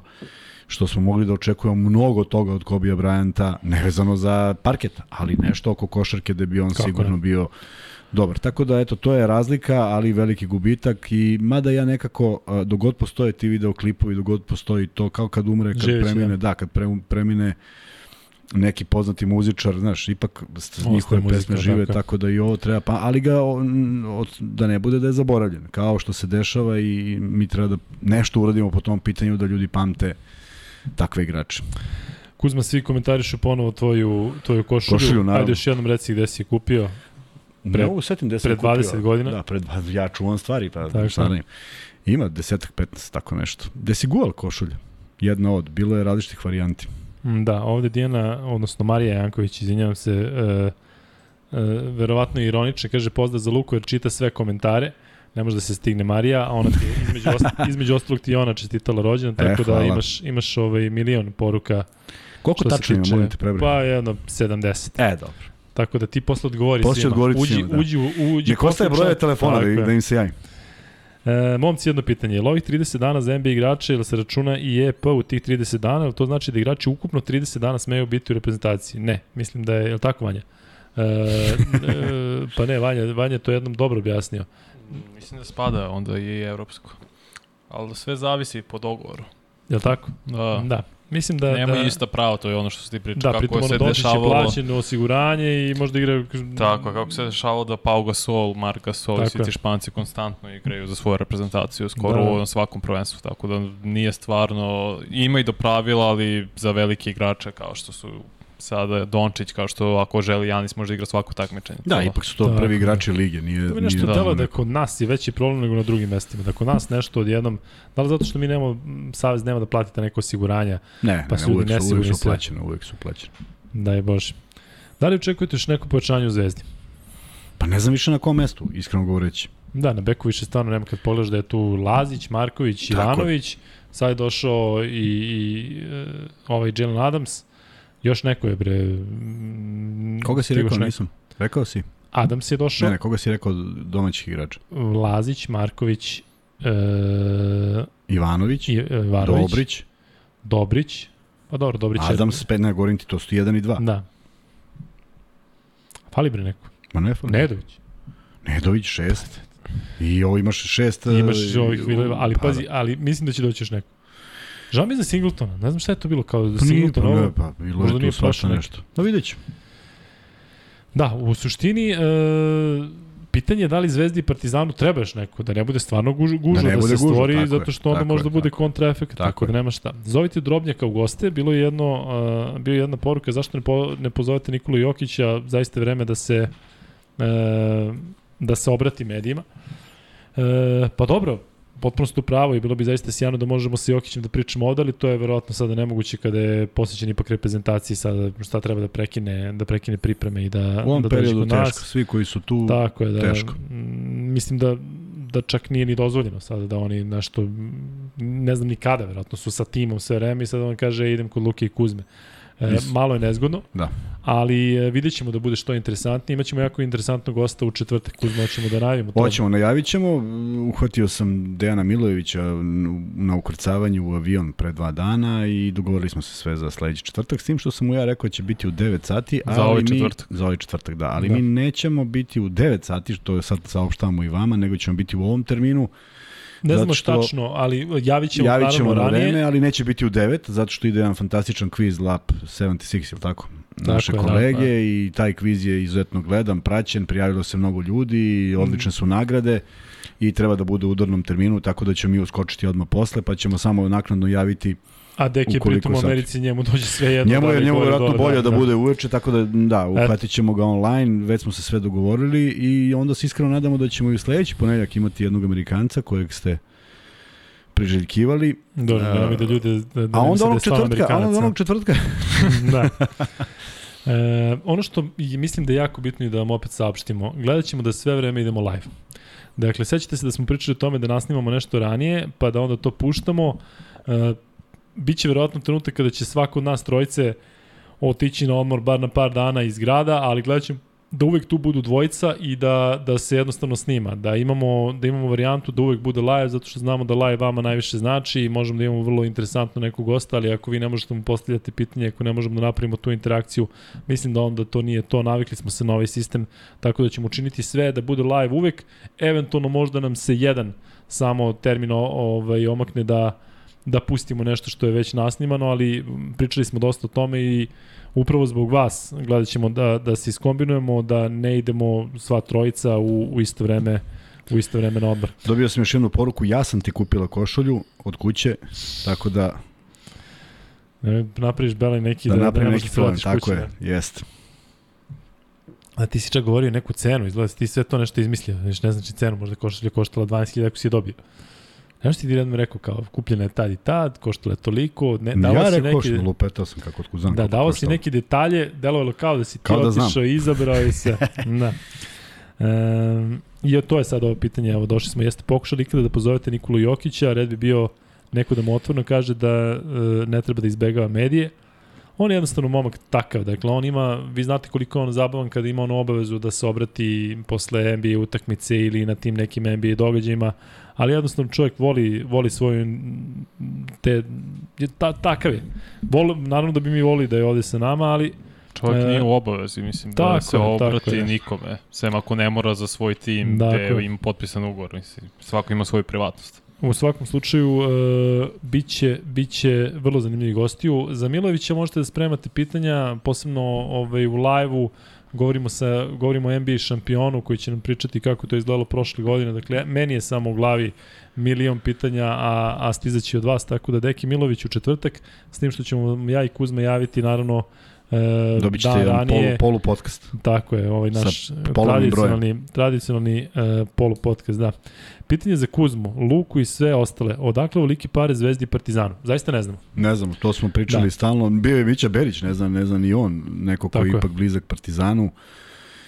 Uh, velika je novac u pitanju, prave se konkurentni timovi, da li je to pravi put, vidjet ćemo. Uh, veliki novac, jak tim, velika odgovornost za, da, da, da to mora da uspe, dakle više nema izgovora. Ako ih je bilo, bilo je zato što je uvek nešto nedostajalo, ali ovo deluje da, da, da nekako ima i više.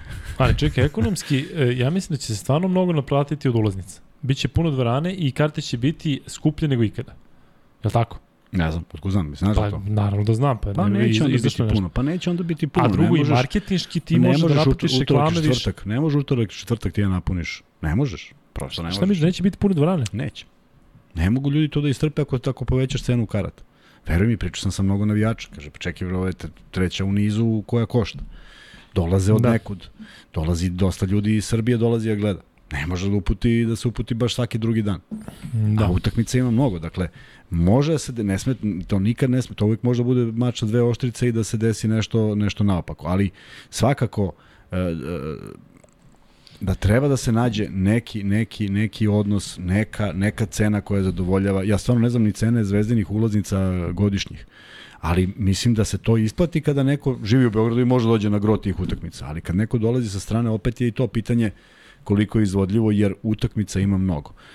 U svakom slučaju, uh, mislim da postoje neki podaci koje nije teško naći, čak i matematički iz glave da izračunaš koliko košta organizacija jedne utakmice, koliki je prihod i da vidiš koliko će to biti para, ali uh, ne bih, ne bih mogao da garantujem. Prvo, nećeš moći da garantuješ da će svaka utakmica biti u areni, jer ne može, zbog broja koncerata i dešavanja u areni, što te onda vraća u pionir i to se onda ne prepolovi, nego je to jedna četvrtina od onoga što si mogao da zaradiš. Tako da, ali igraće se dobra košarka. Imaš poruku Kuzma, prošla ponoć, daj koncentraciju na minimum, humor na maksimum, kao isto je obično da. posle E, u, drugu, u drugu sam smenu prešao zbog vas, veliki pozdrav za Kuzmu e, i za Vanju, 21.1.1979. godište Mićo Dimitrijević. E, da, bio je onaj momak koji je i bilo nekoliko pitanja da, zato što svi znaju tvoju karijeru, pa su hteli više da saznaju o tome šta sam ja radio i gde sam radio, mada smo kroz, kroz podcaste smo pričali, ima i vas verovatno koji niste pratili od početka, često smo prolazili kroz te neke prošlosti i moje i Kuzmine, s tim što su Kuzmine naravno mnogo interesantnije. Što se tiče mene, Ja sam rođen u Beogradu 28.4.1982. Kao klinac sam počeo u školi košarke Tadić. Tadić, Branimir Tadić sad radi sa Miškom e, Ražnatovićem i oni su pronašli Nikolu Jokića i pronašli još milion e, igrača. To je tada bila škola košarke koja je kasnije prešla u radnički cip. Zatim sam prešao u Playmaker koji je držao Miša Đorđević, brat Saleta Đorđevića, tu je pomagao i Bata Đorđević i posle sam bio jedno vreme u Partizanu, u, uh, Igor Kokoškov je vodio tu ekipu, s tim što Igor Kokoškov prvi svoj trening odradio trenerski u školi Košike Tadić, u osnovnoj školi Vojvode Mišić i kasnije u Geološkoj I uh, jedan kratak period sam bio u Zvezdi, čak sam igrao i sa 81. godištem. Međutim, već sa 17 godina sam otišao u Švedsku, gde nisam mogao da naravno primam uh, neki novac i da idem profesionalni ugovor, imao sam neku stipendicu kao da, da, da idem u školu sa namerom da odem u, u Ameriku, da odem na koleđ jer ne možete da imate profesionalni ugovor pa da posle toga idete na koleđ. Bilo je mnogo nekih interesantnih ponuda, Bucknell univerzitet koji je iz Pensilvanije, koji se baš zainteresovao, oni su tada zvali na fiksni telefon, međutim ispostavilo se da ona ratna godina, dakle kada su nas bombardovali 99. da sam ja tada bio um, treća godina gimnazije i da sam, samo su mi tada dali, bukvalno su deli ocene u martu koliko šta ima i dali su mi dvojku iz matematike, dvojku iz fizike, to se na kraju uvek popravljalo u normalnim uslovima, međutim, Baknel je imao takav, takvo pravilo da ne primaju, kad imate najnižu ocenu iz prirodnih predmeta, najnižu e, pozitivnu, po tim svedočanstvima nisam bio eligible, što bi rekli, da igram za njih, što je šteta, oni su NCAA, ko zna u kom pravcu bi išla onda karijera. Otišao sam u NAIA ligu na Spring Hill College, oni su mi dali bukvalno ono što se kaže full ride, dali su punu stipendiju i otišao sam zaista u periodu kada su Stojaković i Novicki tamo pravili čuda, bio sam visok, i dalje sam visok, e, voleli su te bele šutere koji pritom mogu i lepo da zakucaju i jednostavno tražili su takvi igrači. I sećam se da sam, kad sam otišao da je baš bila pompa Rada Nikolić je napravila jedan intervju e, sa mnom i baš je bilo Beogradski i Novicki idu u Ameriku. I bilo je, da baš sam otišao kao, kao vrlo interesantan igrač, igrao jedno vreme tamo, bili su neki NBA scouti, međutim napravio sam da izvinete neko sranje e, i posle treće godine e, kada sam vidio neću igrati u NBA ligi, što je bila ideja, odlučio sam da se vratim u Srbiju, onda je ovde bilo još nekih par pokušaja, doživeo sam to da igram u punom pioniru za reprezentaciju Srbije, ono kada se igrao end one protiv Amerikanaca, tad sam im dao jedno 30 poena, da sebe onako e, sebi zadovoljim. Koji, čekaj, čekaj, prvi ili drugi? I prvi i drugi, bio sam kapitan i u prvom i u drugom. Ja sam sedeo za drugi court side. Pa ja sam, ovaj... ti, ja sam ti Lucky Luke, ne znam da li, da li se sećaš Lucky Luke samo sad vratim. meni je, ne znam kom je dobacio znojnice od ovih američkih igrača. Jeste, znaš da se pravi sad end one dokumentarac kako su podigli, kako su pali 23. augusta će izaći Stvarno, na Netflixu, baš je preozbiljno. Jel čekaj, gledam, preozbiljno priča. Da, pa oh. kažem ti. A pritom, ja sam se pokačio sa ovim Half Man, Half Amazingom. S tim što nije udario mene, udario drugara. Dakle, on je mene zakucao laktom, ja sam mu vratio. I onda je bilo, ajde da vidimo, ja sam se bukvalno, on vidio sam da nije smeo da, da, da ništa uradi, ja se okrenem i nekom od naših priđe i on uzme i klepi ga. Ja samo vidim da cela tribina tribina silazi, ali dao sam im ja tad 30 pojena, dao sam im jedno 5-6 trojke, Darko Rajaković je vodio taj tim i sećam se da mi je, posle mi je, uh, dešavalo se da mi i hot sauce priđe, da mi profesor priđe i da mi kaže, brate, svaka čast, dakle, ple, peglaš, Slavski. razbijaš. I postoje ti snimci, postoje te Mora ekipe. Mora se nađeti. Bio sam pritom, opet, daš sećam. I kažem ti, a drugi, kada je bila druga, uh, druga sam tipa dao možda 12 ili 15 poena, opet je bilo nekih, a druga je bila, malo smo ubili utakmicu, zato što je ona baš bila prva, je bila zezanje, zezanje, zezanje, ovo je bilo više takmičarski. I onda kažem ti nije bilo možda publici toliko interesantno, u svakom slučaju, uh, kažem ti jedno lepo iskustvo i onda sam otprilike tu odlučio da da to bude to i, i čak ima, ima uh, na Kako snimcima... Kako se zvao, izvijem što te prekidam, prič, centar prič. zvezde tada što je igrao, visok, uh, mislim, čelo, bez kosa, kako god. Centar zvezde? Da, igrao tada u Crvene zvezde. Nije, nije, nije, niko igrao. U, uh, Ili je igrao pre, ne, ne mogu da se setim. Ne, on mi je ukrao prvu znojnicu, ovaj lik je bacio meni znojnicu. A šta, ovaj je bio na tribinama? Ne, ne, sedeli smo pored uh, aha, terena. Aha. Bukvalno pored terena A ja sam da bio u ekipi, da je bio... Ne, ne, ne, ne. I on sedeo po, pored moje mame. On je uzeo prvu znojnicu koju je bacio, ovaj video to taj Amerikan, sam setim, koji je bio, mislim, bio krilni centar. Ja, ne, bio Jared Henderson, je bio, Beck je bio tu, uh, on je bio i nešto ček šutirao ono sa strane. Ne mogu Ali, setim ko je bio, i onda je to izvali i onda je skinuo sa glave i došao je do meni da mi zašao ovaj... Da pa gde ti je ta znanica? kući. Uh, tu u džepu. što, na glavi, što, na, glavi, da, da. na glavi mu. Ispod kačketa. Da, to je bio sjajan, Carski, baš, wow. to je bio sjajan ovaj, događaj. Ja mislim da ne bih danas ni radio na sport klubu, zašto sam ja između ostalog tako upoznao Iliju Kovačića zašto sam pobedio nekom takmičenju na kucanju čak i u nekim trojkama na Kalemegdanu i onda je onda kada su sastavljali taj tim e, onda smo se tako spojili, kasnije još sarađivali kroz neke druge akcije, onda sam ga jednom zezu i rekao, Ilija, daj da vidimo, dođem na sport klub da radim kao komentator, šta je? Gledaš na sat, a? Ne, koliko ne pričati se. Ove, ovaj, e, I pitanje je šta bi krenulo i kako bi krenulo da nije bilo toga Ali eto, to je otprilike to. Kažem, to, ta glupost koju sam napravio na koleđu je vezana za to da sam, sada neko ko zna taj sistem, dakle ja sam drop outovao jedan predmet koji nisam smeo, koji je bio mandatory. I onda sam dobio kaznu da ne igram šest, šest meseci kada sam bio u, u, potpuno spreman i sedao sam na klupi praktično celu sezonu. Nisam znao, naljutio sam se na nekog profesora koji je neš, pritom smo bili dobri, pa onda on nešto dobacio, ja sam rekao je neću više da kod tebe na času i onda sa šest predmeta možda se skrati na četiri, a taj nisam smeo da prebacujem na narednu godinu i naravno suspenzija. I ovaj, ali igrao sam protiv zaista dobrih igrača, protiv nekih NBA igrača, pričao sam o tome da smo imali neki scrimmage sa, sa Syracuseom, da je bio taj neki kontakt sa Carmelom. Tako da eto, šta znam, um, to je otprilike to, ostao sam u košaci, ceo život sam u košaci, dakle volio bih da dođe neko i da kaže da je, da je komentarisao više NBA meča od mene, naravno ne govorimo ili i o nekima koji rade taj posao 20 godina, ali moja radna lista na kraju meseca je takva da imate sve ligije, dakle bukvalno sve što prenosimo, uh, dakle, dakle ima bar po neki meč. Pitali su ovde i meni i tebe da li ćemo raditi, prenositi Euroligu, ti ćeš verovatno naravno raditi Zvezdu, ja ću raditi ove manje mečeve, uh, tako, mislim, nema, da, da, nema da, nema, sutra imamo, prekstra imamo studio već o Euroligi da imamo šta ima novo. Da tako? Mhm. Uh -huh. e, kao neka vrsta... Uh, pa najave, verovatno, da imamo šta Vanja, se ćeš da blokiraš ovo, vidim da se pojavljaju opet neki... Blokiras. Da, vidim da tek sad stižem, pošto ja kasnim za ovo. Da, evo, i šalje Nenad Janković, kaže, Vanja, banuje ovog nesrećnika. A šta je to što radi? Šta šaljete? Je to ma, neko to sad... su, ma botovi, to su trolovi najbiče. I to, to je neki čovjek koji to radi ili to neki robot? Ma, ne znam, nekad je čovjek, neki robot, ne pojma. Bot, nebitno. Odmah, odmah blokiran svakako. Nisam verovao da ću nekada izgovorim. Da li to čovjek, čovjek ili robot koji nam, koji nam remeti podcast? Ne, Skynet. to ozbiljno, da. Skynet proradio. Ko po vama ima bolji tim, Partizan ili Zvezda? Ovo je jako teško pitanje, ajde Kuzma, će ti prvi. Ne, ne znam, ne znam, još nisu formirani, vidjet ćemo kad se završi. E, pričali smo o tome i dok je Mića bio i pričat ćemo i dalje o tome i vidjet ćemo neke prve utakmice, pošto na papiru teško da to može da se poredi jedno s drugim u smislu da znamo ko je bolji tek tako. Uh, Dejan Andrić pita ovde kom, kom stilu će se prilagoditi Zvezda i sad to je naravno Pričali stvar, o tome, da. da. to je stvar mm, Vlade Jovanovića koji će morati da, da, da, da pronađe šta je to što igrače, što, što čini njihovu igru efikasnom, da vidi kakvu brzinu imaju, da vide kakav imaju tranziciju, kako i kakav imaju poziciju i napad. Sve to isto i pred Obradovićem, koji ipak naginje ka ovoj savremenijoj i bržoj košarci. Zvezda je ipak igrala tipičnu košarku za celu Euroligu i mislim da je to donosilo te rezultate a, zato što je e, koncepcija bila ekipe bila takva kakva je bila. I još jedna vrlo bitna stvar znaš ja mislim da će ovaj e, na primjer sad si spomenuo igrači potpuno onako mi je samo ime mi je ovaj mi je privuklo pažnju Marković ja mislim da će on biti mnogo spremniji ove sezone.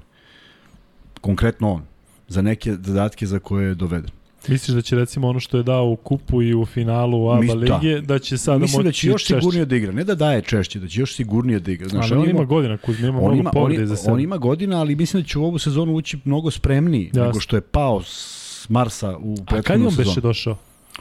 Počela je Evroliga, Da, da, počela, da, da, da, da, Već se da. Zakoračio da ne, i on je, kola. ja da. mislim da je on tražio neki period, ne, ne da je tražio, nego da je bilo normalno dobio neki period adaptacije Kako iz, ne? iz faze mirovanja. Mislim, Da, da. nije to tako lako ući u takav ritam, tako da, na primjer, od njega očekujem da ove godine bude mnogo konkretniji u smislu zatvaranja nekih rupa, popunjavanja, ne nešto spektakularno od njega, ali da bude mnogo konkretniji, zato što to donosi jednu čvrstinu u odbrani i pritom nije neko ko troši lopte bez veze. Vrlo je odgovoran, prema tome on će sigurno biti u nekom svom boljem izdanju nego prošle godine, što tamo samo možda poveća kvalitet. E sad, e, svaka ekipa, a pogotovo sad Zvezda, kada malo iskalkuliše ko su playmakeri, može da igra i dovoljno brzo, sa Adamsom, sa Nedovićem, sa svim igračima koji ima, a može da uspori tu igru sa Ivanovićem koji ne mora da igra brzo, sa Markovićem koji ne mora da igra brzo i da nekako... Ne, delo je baš dobro. Delo Da. baš dobro. Kaže, Adam i Sinedović u kombinaciji, to će da leti. Pa, e, e, ne treba da, br, da baš lete lete, znaš, treba da, da, da se zna, da se uvežba to šta se od njih traži, jer ovaj, e, m- mislim da mora postoji doza sporine ili sporosti kako god hoćeš u toj igri kada kada jedan nalet može Ali kada znaš šta može što mislim, kada recimo njih dvojica mogu sami da iskreiraju seriju od 8 poena. I da podignu, ne znam, atmosferu u dvorani i onda može da se spušta. Sve, sve stoji, ali... ali, ali... A ko je recimo prošle godine mogao to u Zvezdi radi? Može A... Kalinić da povuče, da eventualno bude neka kontra, Holin zakuca, tako kažem ti ovo sada... Ali, je... ali su bile konkretnije kontre, gledaj, ti, ti, Zvezda, Zvezda je imala 20 i nešto razlike u utakmici koju je mogla da izgubi zbog tog jednog šuta koji je bio bez veze sa, sa, u 4 na 1 kontri. da nikad nećemo znati šta se tu desilo da Kalin. Misliš na Kalin? Ne na Kalin, Hollins je šutnu trojku. A Hollins, ne, ne, ne, da i Kalin nešto bio naskočio. Ne, ovo je Hollins je, Hollins je šutnu trojku i to je sve otišlo nizbrdo. Tako da, ako ti, ja se slažem da i Adams i Nedović mogu sebi da naprave poziciju, ali ako je to 4-0, a ne 8 poena, nego ako je to 0 poena, onda si u ozbiljnom problemu. Zato što ne verujem da će defanziva Zvezde biti na nivou one. Ne kažem da treba da bude, jer je to nenormalna potrošnja. Pričao nam je Lukman prošle nedelje kolika je potrošnja u jednoj utakmici da bi se igrala ta takva vrsta odbrane, ali mora da bude na nivou Evrolige da ti jednostavno ne dozvoljavaš da primaš lake poene. Znaš šta se meni čini? Da je Zvezda i Partizan ove sezone imaju slične timove po kvalitetu. Da se slažeš? Da, da je to otprilike imaju, imaju, imaju. Ali da je ipak razlika trenera. Dakle, imaš jednog trenera koji je devet puta osvaja Euroligu, imaš trenera koji je debitant u Euroligi. Dakle, ako dođe na kraju taj tas na vagi, da to može da bude presudan faktor. Ako dođe, pričat ćemo. Čak, čak i, kažem ti, kod sudija, recimo, znaš, kada Željko Bradović direktno na sudije, može da istrpiš. Jovanović uopšte ne vidim da je takav tip da, da može da, da napravi neki pritisak na sudije i ne verujem da ima neki kredit. Što su sve neki faktori koji će možda u nekim utakmicama biti bitni. Ali upravo si, o tom potom ko zna Tako dokle će jedan i drugi da doguri ove sezone. Vidjet ćemo kako će biti. Ja ne mislim da Vlada Jovanović ima taj neki strah i neki Ne, pretrani. nema sigurno pa, strah, pa, ali... Ako ima stav, ako ima stav dovoljno dobro i popiće tehničku i kad treba i kad ne treba, ali ako da. ima stav pre ili kasnije sudija mora nekada da, da, da vidi da nema posla s nekim ko se povlači. Jednostavno moraš da imaš stav i to te drži. A u najmanju ruku videli smo da je Alimpijevićeva ekipa pobedila Obradoviću, tako da do duše u jednoj utakmici. U jednoj, da, ne bi u narednih deset pitanja da li bi bilo slično.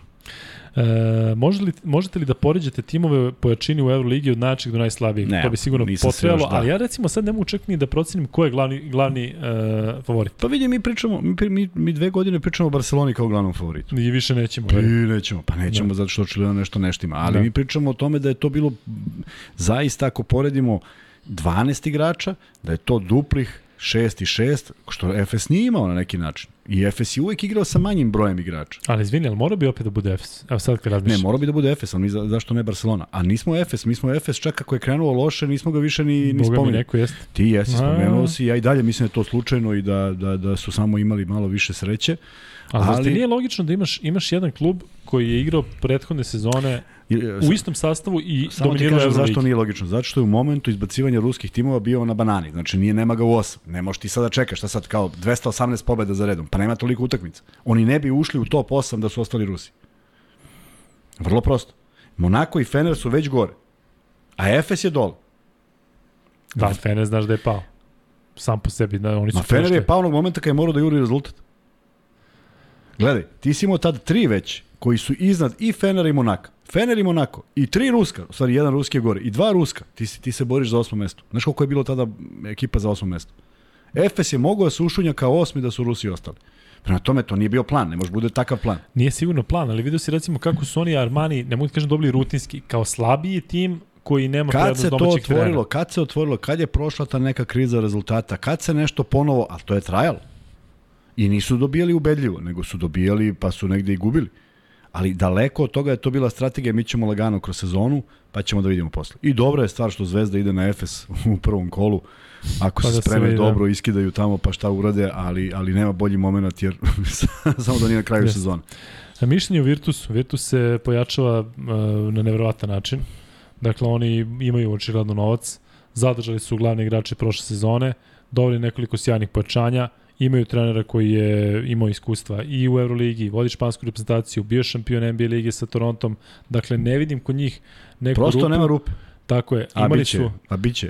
biće, da, ali, ali njih recimo ne bi mi iznenadilo da ih, da ih vidim recimo, pa da li Final Four, ne znam, ali u top 8 su mi onako, realni su mi. Ne znam šta ti kažem, ne mogu, ne mogu pre nego što vidim bilo šta što se dešava i da vidiš tri izraza lica i četiri nevraćanja u odbranu jednog igrača, onda će ti biti jasnije. Mislim da su to, te boljke su prošli prošle godine. Okej, okay, daj da vidimo, nije nikakav da, problem. Dakle, naš, Zato kažem, ajde da vidimo, ajde da vidimo, jer vidi, oni do posljednjeg utakmice se njima otvara sve u Evrokupu. Oni uopšte nisu bili u, favo, yes. u, u poziciji favorita.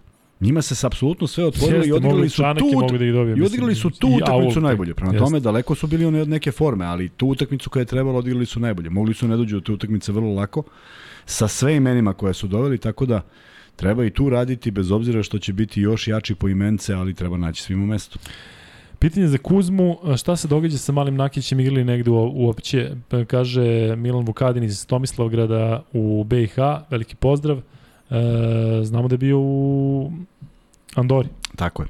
I, I- pritom nije nešto ostavio neki utisak. Bio u petorci, pa ja mislim čak jednom trenutku ispao iz petorke. Deluje da je prilično nesiguran, da njega najviše tišti to što nije ni blizu onoga što se od njega očekivalo. Znate šta se Tako pričalo? je, a to stvori problem kod jeste. to se pričalo odavno i onda Kako se tu napravi problem kad to ne uspe. ali ima vremena za njega. Neko me posjeća njegova karijera na, na Stefana Pena. Dakle, isto kažem ti veliki klub Barcelona, Real, Jesam pa onda je odeš u manji neke klub. povrede dodatno ne, koje su ono povredu, bile naravno, užasne. protiv Da. onog e, koga beše kada je koleno i Da. pre toga imao, tako da e, ali eto, želim, želim ovo sve Ja bih volao naravno, nego oni oni nije lako odrastati ovaj pod nekim očevim Nije, da. ima ima ta težina, s druge strane Ivo Nakić igrao ozbiljnu košarku, bio jedan od osvajača lige Jedan od prvaka bitnijih Evrope, faktora. od bitnijih faktora u svim klubovima koji je igrao i stvarno kada pogledaš m, m, više igrača kojima su roditelji ostvarili bolje karijere. Mada ima, na primjer, ja mislim da je Rakočević bolji od oca Gorana. A Srećko i Marko. Pa vidi, Srećko ja mislim da je bio bolji igrač. A Marko je uradio Jeste. neke neverovatne stvari. Znači, te, imaš, I zaradio imaš mnogo, ljude sa Crvenog više. krsta iz Beograda koji se kunu šta je čovek Jeste. radio sa loptom. Ali bilo vreme amaterske košarke gde se to nije naplaćivalo. Dakle, kad posmatraš iz jednog ili iz drugog ugla. Tako da je teško kad imaš to, to, to breme, a negde možda i počeo da trenira zato što su više negde ljudi voleli nego što je on želeo, znaš. Tako da ima tu hiljadu razloga, ne govorimo o Nakićevom slučaju, on se meni jako dopao one godine kad je dolazio u u Zrenjaninu se održavao turnir pa je došao Real u 16 ja mislim da je Reala dolazio međutim e, dopao mi se i kako trči i kako rešava neke stvari ali to je bila jedna zaista pijaca gde ako ne zadržiš loptu malo duže kod sebe i nešto smisliš i pošalješ je dalje vrlo redko je dobijaš.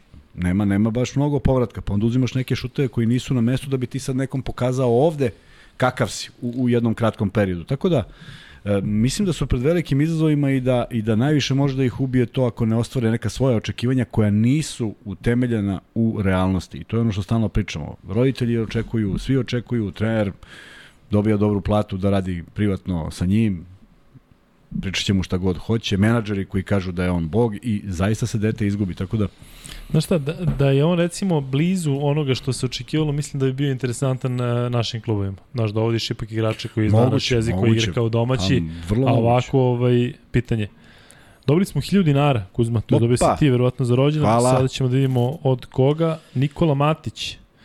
Komentar broj utakmice Luke i Nikole u NBA. Luka i Vanja, znate o čemu pričam. Ipak mislim da je Jokić i bolji za repku i tim nego Dončić, koji je sjajan, ali ipak znamo da nekad i pretre. Hvala puno za sve što radite za košarku. Hvala tebi za ovaj posljednji komentar.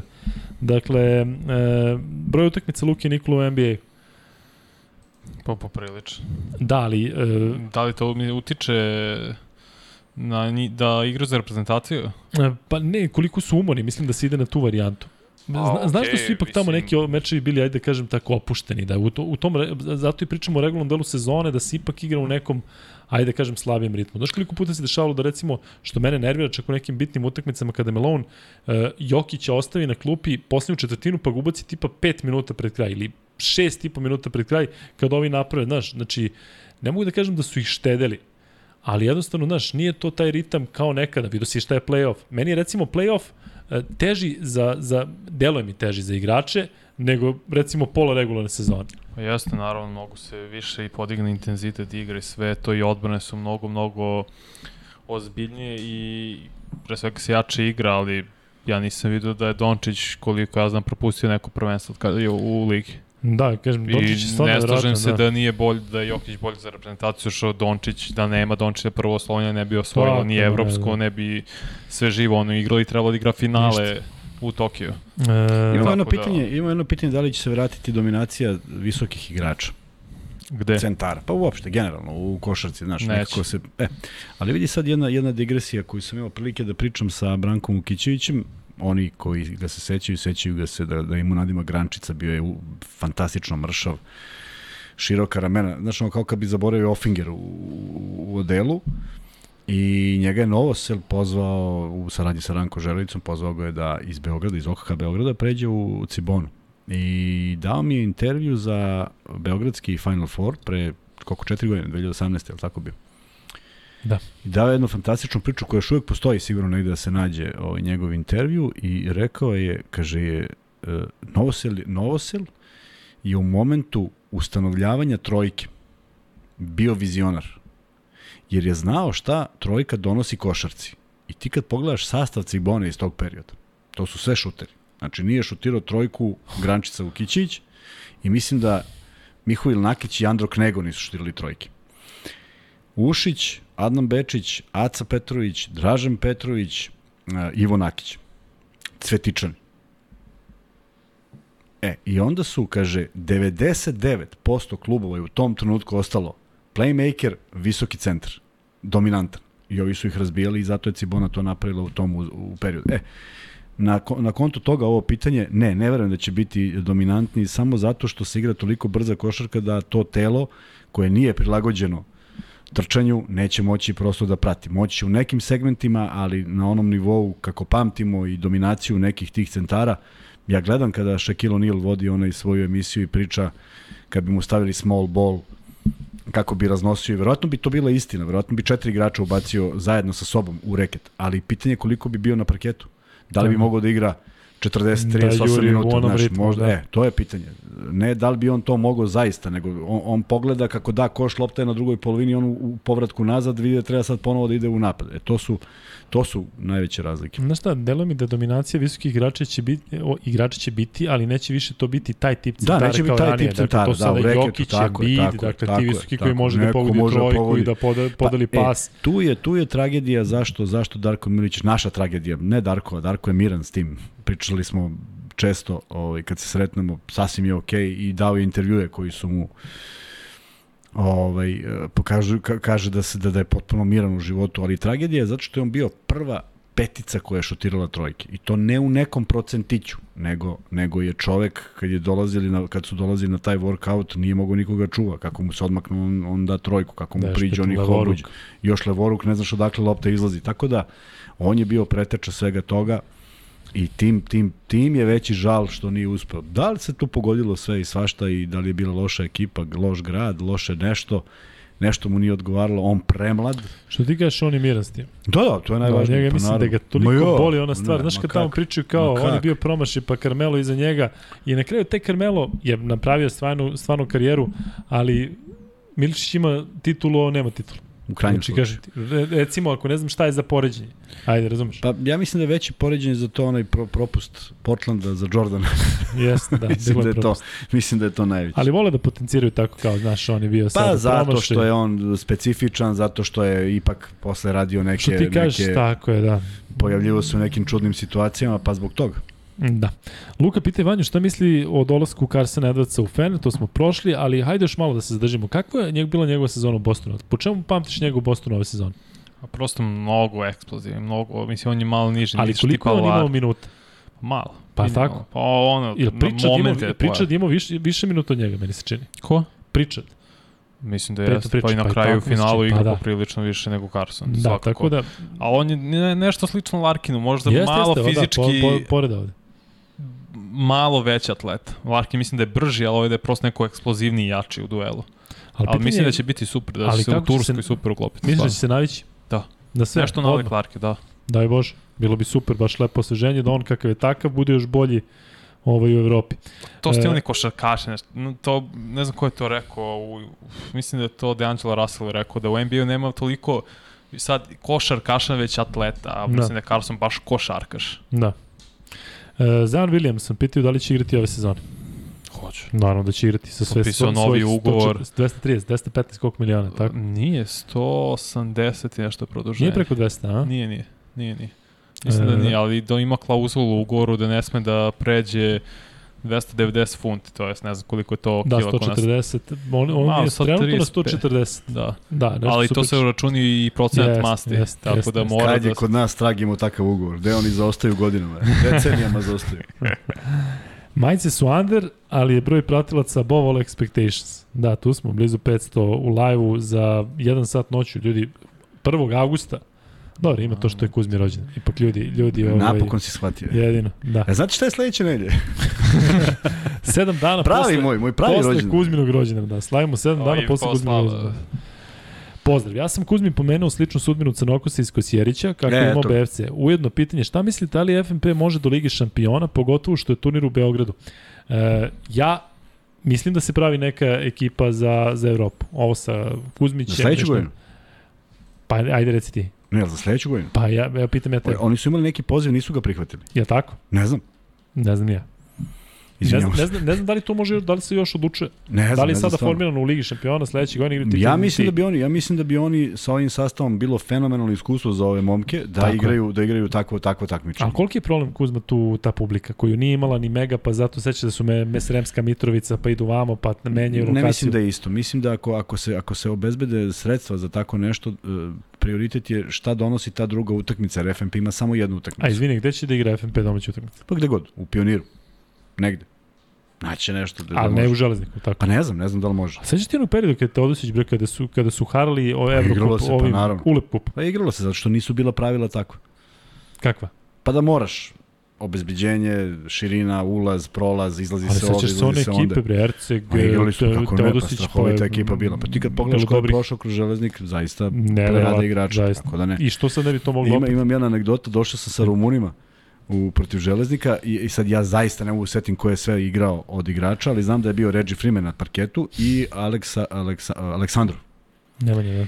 I sad gledaj scenu, mi dolazimo, mi smo bez rumunskih prvotimaca, tu smo Krasić i ja, i ima još, ja mislim, šest ili sedam rumunskih igrača. Treba da igramo protiv železnika. Nadrealno, pošto su već, i bez obzira što su mlađi i sve to. I izlazimo na teren i izlaze igrači železnika. Ja mislim da su oni startovali sa petorkom, da Freeman nije počeo, da su oni bili preko 2 metra svaki.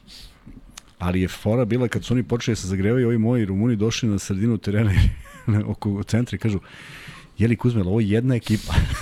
znači, oni nisu videli šest igrača preko 2-7 nikada. I znaš koliko se puta na utakmici desilo da moj centar trči, trči, nasloni se na Aleksandrova i trči pored njega misleći da ima nekog svog i onda okrene se pogleda pa juri po parketu gde je njegov. Tako da ovaj, uh, Železnik je imao zaista neverovatne igrače i evo, to je jedan, Ja jedan da opet. to je jedan momak kojeg smo, kojeg smo zaborili da spomenemo što nije ostvario Nemanja. svoj potencijal, da. Samo Pa, zbog onog odlaska. Jesmo spomenuli, zbog odlaska na, na onaj... Jesmo, baš si to i pričao. Da, a put, onda jesmo. I žao mi je zbog toga, jer on je, on je prvo, prvo uh, njegov fizički izgled obećava. Znači, ono kad kažeš, platiš ga milion samo što izgleda Tako tako, a na stranu što je bio talentovan. I vidiš, kod njega je bila onaj, onaj problem posle povrede kada se vratio i kada je igrao koliko toliko dobru košarku, kako mu se otvori reket, nije to bila ona Jeste. više prodornost i, i, i, i, i sloboda od straha nekog da se ponovo nešto ne desi. Ali on je jedno vreme u jednom periodu bio toliko dominantan u Da, da, da, dakle, da, šut, da, da, sve, sve, pa dakle, kako, kako blokiraš taj šut? Mislim, šta? Neverovatno, da, ne, nemoguće.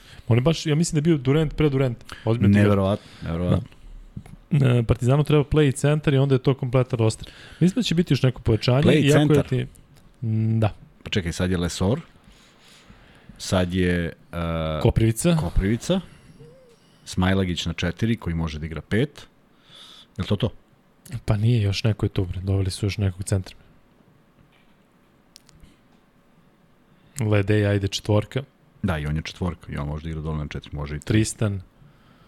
Još ne znamo šta i kako. Nekog smo zaboravili. Doveli Ne, Partizan 100%. neku peticu. 100%. Um, Pa umorni smo od juče. humorni smo, dakle, juče smo se razvalili. Zovite Slavka Vraneš. Ne znam da li će moći da Ne stane znamo ovde. gde je, Slavko je ne Da. bio u kadru, to nam je najveći Da. problem. Je, znaš, jesi gledao kad Police, Poli- Poli- Police Squad pretrču Naked Gun? Mm, pričao si mi milion puta, verovatno baš tu. Leslie Nielsen i To ovaj prva, njegov... prva, prvi ovaj taj humor, Jest, tako? da, ovaj, prvi, taj naopak i ovaj, parodija na sve moguće i čovek koji stalno ulazi u kadar, ali samo se vidi dovde, pošto ima 2.20. I u jednom trenutku mu Leslie Nielsen kaže imaš nešto, on jede bananu, vidi se banana, ali kaže imaš nešto na usnama. I ovaj kao rukom se počeš i padne uliki kolut banane. Na onda svi onako tupavo gledaju šta je palo. Tako da bi Slavko bio negde, negde iznad mikrofona ovog što visi gore. Da. Evo kažu, za Slavka im treba veći studija. Šta mislite o Bjelici kako će se snaći u Feneru? Mislim da će se, priklo, da su, će se uklopiti baš kao Gudurić, dakle prirodno. Bio je, vratio se, s tim što je naravno veća pauza, Gudurić je samo jednu sezonu. Ili Ja navijam za sezonu. njega, ali mislim da neće biti lako. Neće biti lako, ali će biti faktor. Dakle, ne vjerujem da će I dalje igrati 15 mislim da neće minuta. biti lako. Neće biti lako, naravno neće biti lako. Čujem, bi- biti lako, kad smo rekli da će biti lako. Ko menja Kalinića u Zvezdi? Ja bih voleo da bude Nedović, to sam rekao nekoliko puta. Ne verujem da, da, da ima ikoga to, te, te energije. Nema je, ni, nema je ni Nedović, ne da li ima tu energiju, ima je apsolutno, nego da, da preuzme ulogu lidera, da on kaže sad je lopta kod mene. Uh, nije imao priliku da igra to ni u jednom timu. Možda je on to i želeo. Da. Ali ovde bi on stvarno ne da samo kaže deklarativno "E, ja želim da budem vođa, nego da uzme tu loptu i stvarno da bude vođa. I da to budu najbolja moguća rešenja. Ne da on pogodi. Ne može niko pogađa baš kad god poželi. Ali da to budu najbolja moguća rešenja u momentima kada se utakmica lomi. Kada pogledamo Kalinića, koji je promašio na nekoliko utakmica, vrlo u bitnim momentima, ali to su bili košarkaški, košarkaške pozicije iz kojih je on pokušao da da. Nije on šutno s pola terena ili u punom trku ili već nešto što nikad ne radi. Tako da, ja bih voleo, zašto bi to? Navijači bi reagovali, klub bi ponovo imao prepoznatljivo domaće lice, a mislim da mu je ta uloga negde sada po godinama sad ili nikada. Ne znam da li će kad bude otišao iz Zvezde baš da ga neko uzme za, za, za vođu ako nije bio, za lidera ekipe Da, ako nije mislim da je to ideja, da Kalinić, ono što radi Kalinić baš ne dođe. Ajde da vidimo da može. Zvezde, da. Tako koji je, tako je. I preuzmi i budi odgovoran od prvog do 40. minuta. ali mm, da se ne lažemo, naslediti onako Kalinića iz prošle sezone nemoguće. Ne mora, ne mora on da bude isti. On samo da bude, isti, samo ali- da bude ono što može da uradi. Ali upravo ti kažem šta, znači momenti odlučivanja. Lomi se, on, on se stušti na prodor i da tu dvojku pre nego da naskoči na 7.25 i šutne kad nikog nema u reketu. Dakle, govorimo o samo o odgovornosti da prepozna koju težinu je doneo sad sa sobom, da bude zdrav i da napravi jednu odličnu sezonu, sezonu 2. Jel možete da zovete Paspalja i Rebraču? E, vidjet ćemo, zvaćemo. Napravite specijal za Euroligu i to pustite snimljeno komentar svih ekipa. To je u planu da možda napravimo neki klipove od po 10 minuta ko je došao, ko nije došao, da to bude recimo u onom periodu Mislim da je rano da to radimo pred evropsko prvenstvo, ali pričat ćemo ja i Kuzme još o tome, dakle da to bude nešto što će biti bukvalno kada ukucate Fenerbahče, da u neki desetak minuta ovaj, ispričamo o svakom timu u u Euroligi, a možda bi mogli to Vanja čak da radimo iz NBA ligu pred sezonu, a? Kako najava? Najava svake ekipe. Dakle, ko je došao, ko je otišao, da nasnimamo da ne bude da live, nego jednostavno Minnesota, došli ti, došli ti, verovatno će Pa igrati ovako može, i da na kraju naravno, stavimo čak može, i prognozu i može. ti i ja gde će, gde će doći. Mislim da bi to ljudima moglo da bude interesantno i to može se gledati cele sezone. forme, ne to, Tako napravi se E, sad sreća- sve. Sad sećam imamo divne gledalce, Nenad Bujas nam javlja, izašlo na Mozart Sportu, FMP domaćin kvalifikacija za FIBA ligu šampiona. Kaže, prijavili su se, igraju kvalifikacije i igraju se u železniku. Eto, divna Sjajno. stvar i ja mislim da je za te momke i za tog trenera, koji je ovaj vrlo interesantan, vrlo ambiciozan i uradio lep posao, ovaj prava stvar da izađe na evropsku scenu. A jedva čekam četvrtak da negde, da negde ispričam nešto mi danas se vrzma ceo dan po glavi, ali I sačuvat ću nemaš za snage, evo četvrtak. kaže ti Marija Janković, Kuzmi se spava. Meni se spava, ja nikad ne spavam. Kuzma juče bio na terenu 3 sata, aktivan. Kad sam to izdržao je. Tako je. Zovite Zeca Milosavljevića i Mira Radoševića. Da, Mira Radošević bi bio... I, Pa znate i- šta, ljudi, nisu oni baš svi u Beogradu, neki, Da. neki su čak i dalje od toga, ovaj, ali, ali hoćemo. I druga stvar, sad, stvarno, svaki, svakim danom se pojavljaju novi predlozi, nema ni, nema ni toliko Jeste. vremena. Jeste, da. Znate šta je Ovaj. problem? Generalno sad u ovom, ja i ti pričamo o tome, u ovom sad periodu zaista ljudi su na odmoru i teško ih je Teško ih pronaći. je naći, Dakle, u. Beogradu sedi na 40 stepeni, a ima mogućnosti da nije tu, verovatno nije tu. A onda kada počne reprezentacija, Tu ne možemo dobiti zvati sad, reprezentativci. pa de nego, znaš, ali onda je malo glupo sad da mi da zovemo nekoga da priča šta je bilo pred 20 godina, mi juče igrali prozor. Kada počnu Zvezda i Partizan Mora bude Euroliga, aktualan neko da Tako priča. gr- mi da ubacimo Grušanović, igru Zvezda i Partizan u, u, u Euroligi, a mi ubacimo, znaš, pokušamo da nađemo neki možemo, balans, ono što ćemo, teško je. Da, teško je. Ono što bi mogli da uradimo i što, što nismo do sada, a ne vidim da ne, da ne možemo, To je kada naleti neko stvarno, i to je sad naravno organizacioni, organizaciono pitanje, kad stvarno naleti neko koga, koga želimo da, da čujemo i da intervjušemo, nije aktuelnost, nije moment za to, mi sad treba radimo u Euroligu, a on priča o nekoj desetoj stvari da ga snimimo. Ali o tome smo ti i ja pričali da želimo da imamo snimljene emisije za ne samo za kad nam zatreba, nego jednostavno da, Da, postoji da nešto pusti, što tako možemo je. da pustimo. Tako da, E, Vanja, kažu ti da bi bio bolji strateg Ferrarija nego iz Binota za sutra, što neću biti sutra za lap 76. Neću komentarišem Ferrari šta to radi u formuli. Da. to su Kuzma, to ćeš ti da prokomentariš malo Ferrari? ja mislim Mogu da je Ferrari stvarno. vrh. Ha? Da, Vozio bi. Imaju one crvene automobile. Tako je. sa konjem. Sa konjem. I konja da, nacrta. da. Tripković je zovi, nek posjeti 20 minuta objašnjavajući onu tehniku šuta posle tog podcasta Da, život i koška će biti lepši. e, da. on je stvarno bio neko ko je ko je imao Da, ali njemu, savršen o njemu govori izlazak. kao da nije napravio neku karijeru, on je napravio ozbiljnu karijeru, a verovatno je mogao još bolju, ali čovjek je bio ne, najbolji šuter on je brzo presud igra. Jeste, on je, ali, ali dok je bio u Partizanu bio je nezaustavljiv, igrao je s Partizanom Euroligu, ne znam šta je, šta, šta je, Ja i ne mislim, on je meni bio... Da. Znaš, kad, da, da često govorim da mi sviđa kako Dobrić izbacuje loptu. Je tako, mi Tako je. Tripković. Kad napravi ono sve što uradi i šutne i kad promaši, aplaud. Aplaudz. Kao navijač Hrvatski veliki poštovalac srpske košarke, mišljenja sam da bez Bogdana Bjelice u pravoj formi Srbija nije kompletna momčad za najviše domete. Ima smisla. Ima smisla, Da. ovaj, ali, ali mislim da je tu sada, ako, ako poklapamo, ako, ako je bila kritika što je Jokić pet, je tako? Dobro. I da bude četiri. Onda Bjelica nije neko ko baš i u najboljoj formi može da zameni, zameni tu poziciju. A ako uzmemo da je Bogdan zaista neko koji je uh, vrhunski strelac i vrlo pozitivan za celu ekipu, onda se skraćuje mesto za nekog Vaso Micića ili Teodosića u istom trenutku na terenu. Ja mislim da oni jako dobro mogu da funkcionišu zajedno, da Vasa može da bude odlična dvojka u onom momentu kada uzima loptu, ne da on sad pravi neke akcije, nego da rešava kao što zna da reši. I u ostalom, setite se, e, kad je Marković bio u reprezentaciji, e, Teo je bio dvojka. Marković je prevodio do momenta Jest, do kada ne jest, treba minijaturu da. dodali Teodosić, prema tome zašto ne nastaviti? da. Zastaviš tako negde da, da to radi Teodosić, a da, da to radi Mici, Micić, a da Teodosić bude u drugoj ulozi. Mirko Čegarović kaže mislio na Branka Milosavljevića, da, znali smo da se mislio na njega, da. da. E, kada si već pomenuo Švedsku, tu sada igra bivši igrač Zvezde Radosavljević Lazo. Ne sećaš njega? E, da napravite okrugli 100 Čović, ostao, bla, bla, bla, to smo već pro, Probali pokušali i nije prošlo. Nije baš bilo... Nećemo baš da otkrivamo ko šta kako, ali Tako nije je. prošlo. E, jedini Čović zna nešto o košaci, ovi ostali su Tutubani. Tako, Tutubani. ka, mislim da je navijač Zvezde, da. E, OKK Beograda najverovatnije. Da, Janković, ja bih napravio tako okrugli 100, ali bi im podelio pištolje. da, dobro fora. Odakle Kuzmi da će Zvezda igrati u areni? Stvarno Kuzma, odakle ti to? Pisalo negde. Majke mi Pa pisalo ne, negde. mislim da je pisalo da im je otvorena, da, da su im otvorena vrata. Da kao mogu, da nema problema, ali nisam video nigde da...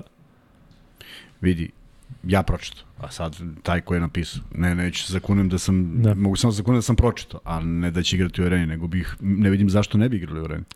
Da li si siguran za Kokoško? Mene trenirao u OKK 1993. Prvi trening pa je PRU za 1977. godište. 100% siguran. Dakle, geološka, to ti je bila, ja sam imao tada... On, on voli da kaže, pa čak i Tadija, dakle Tadić koji je vodio, mi je, pričali smo o tome nedavno, kako je Kokoško prvo došao kod njega, a on je negde volio da priča da je počeo kod Rebe. Tako da ne znam, ako, ako si 77. godište, onda se nismo, nismo uh, samo mi napiši koji si godište, kažem da Nen- Nenadu Jovanoviću. A pitanje za Luku, da li je nekad bio na Maldivima, no hate, jeste bio sam. Tad sam ušao kao košarkaš. Jako duga priča, bit će prilike da, da, da govorimo o tome šta se tada desilo, kakva je to bila e, Viš na primjer, ja nemam pojma da ti bio tamo. Da, znaš, samo ti, Majke. govoriš, samo ti govoriš Manila. ti Ne. Manila. Ne, to je moja keva rekla da, da Jeste. si joj poznat, ali ja Pa nikad naravno da sam nisam- poznat. Uopšte ne, nisam gledao to. Ne znam kako se zove. Rođen sam 28. Četvrt, 28. četvrtog, samo dve godine ranije. Veliki pozdrav za tebe, Vanju i Kuzmu, kog sam gledao kao klinac dok smo čistili parket prvom timu. Čistio sam ja parket dok sam bio u Tadiću, onaj beogradski pobednik. I kažem ti, uh, sećaš se beogradskog pobednika? Igrao sam. Čuj, sećaš se. Nisam baš ja igrao. Uh, ne sećam se. Znam da je bio Pa onaj? Ginter Bank i bio Harry Williams. Kako nisam, pa to je to. Mm, e, Da li se slažete da nije neuspeh ako Zvezda ne uđe u top 8? Ne sviđa mi se narativ da su Zvezda i Partizan kandidati za top 8 kao Zvezdašu. Pa imao si 15 godina, čovječ.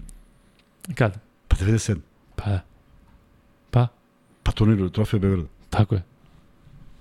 A, a znaš šta je tad bio prestiž kao? Nije, nije, nismo mi najgori ž, brisali parket, nego, Nego ti najbolji. najbolji iz ekipe ideš brišeš Tako je. da bi mogao da učestvuješ novo. Ne sumnjam ja I uopšte. kažem ti, izveknuo sam u Benkija, Se, e, Sad si mi Kintera poznat. Benkija. Tako je, ne, ne, ne, ne. Ne, pazi, ja se tebe ne sjećam, ali ti se mene sećaš. Da, znaš, da, tako to je meni da. potpuno logično. Da, Ipak si ti čistio parket. pa to. E, pa pravo si ti čaše, što tako moraš ironično? Si Nisam ironično, čaše. ne, baš mi je drago, jebote majke mi, pa to su, to Pa Evo su sad ću fantastične da, da stvari. prišem pioniru i tamo dok su vratno neki Pitaj tamo gde sam pravo čaš. Ajde, ko Da. pogodi, odmah ima free bet. E, Free bet, prvo pitanje. Za free bet, evo vas, vi koji spavate pa sad ste se razbudili, gde je Kuzma pravo čaše i gde je radio u diskoteci? E, Šta treba u pogoditi, kojoj- zemlju ili grad? U kojoj državi? Znači državu, dobro. Znam, ne znam ja koji grad. Ako možda ima i grad još bolje. Država. Država, u kojoj državi je Kuzma pravo čaše između OKK Beograda i OKK Beograd. između dva OKK Beograda? da. da, dakle, ko prvi odgovara dobije free bet. Ajmo Marko Topalović da vidimo da li ćeš, da li ćeš opet Da li ćeš ovo znati, Marko Da. Topaloviću? E, Partizan ima, imaće pet mladih igrača koji su već sistem Glas, Vukčević, Trifunović, Madar, Koprivica. Nisam siguran za Glasa šta se sa njim dešava uopšte, da li se na njega računa, Misterija. daj Bože. E, strah me da ne izgori trener ukoliko se to ne desi, dobro. E, kako mislite da će Obradović da tempira formu igrača, pošto je poznat da njegovi timovi na kraju sezone igraju najbolje, a mislim da Partizan nema taj kapacitet igrača da bi to dozvolio u Euroligi. E, da, mislim da si u pravu, dakle u Euroligi nema kalkulisanja, to što smo rekli sa Efesom, možda je stvarno bila kombinacija da im se desilo jednostavno da su pali u formi, pa rekli ajde Samo da... se desilo, tako. Tako je, ali e, biće teško, biće teško, ali... I zavisi da će mnogo biti. od rasporeda. Tako. Nekoga može da nakazi raspored, nisam obratio pažnju suviše daleko jer nas interesuje pre uh, reprezentacija, pošto dolazi pre, ali kad bude došlo vreme pričat ćemo i o tom. Komentar na 18 reprezentaciju. Kuzma nikad 2-0, tada. 2-0 to vodi Vlada Đokić, drago mi je da je on. Uh, E, sad Koga je Đole vodi smo Vlada Đokić dok si ti bio u, u 95. prvaka i, u, u, u under koliko? i 20. Tad je bio u 20, sad je u 18. Da. Dobro. I bio je u 20 2017. A jel smo on vodi neku ekipu ako tokom sezone? Metalac. Je tako? Aha. Da, Ali, ali vrlo, vrlo mi se ovaj, dopada što je on tu, iako imamo vrlo specifičnu ekipu, veliki broj igrača ispod 190, pa onda još veći broj igrača ispod 2 metra, ali valjda je to to što imamo. Nema nekih igrača uh, koji su možda naj, najtalentovaniji. Naravno, ono što smo pričali, nigde ne postoji zaštita tog trenera, da li je otišao sa najjačom ekipom ili neko fali i zašto fali, ali to nikad nećemo saznati dok mi ne budemo počeli istražujemo to, a nemamo baš vremena i to je to. Slušaj komentar. Utakmica 2007. protiv End One u Pioniru je bila vaničila. Luka je bio nepogrešiv. Luka je zaboravio da pomene utakmice Nadi, Beach Volley, gde smo bili ubedljivi. Pozdrav triju. Znaš od koga? Ja da znam, Da, ne znam. od Gorana Neškovića. Majstor. Da, Goran Nešković, naš koji je pričao ovde fantastične priče o Pita Maraviću i nadamo se da će doći opet. To je podcast koji treba da ogledate. To je podcast pod uh, nazivom Najbolji Srbin u NBA-u, uh, je. pod znakom pitanja i koji je bio najgledaniji podcast u tom periodu, zašto smo mi ovde baš bukvalno uvalili i pričali o Pitu Maraviću, uh, Maraviću. Da. Ajde, Pitao, ovaj, pri, pričao. Goran, mi slušali, pošto Tako smo uživali u toj je. priči.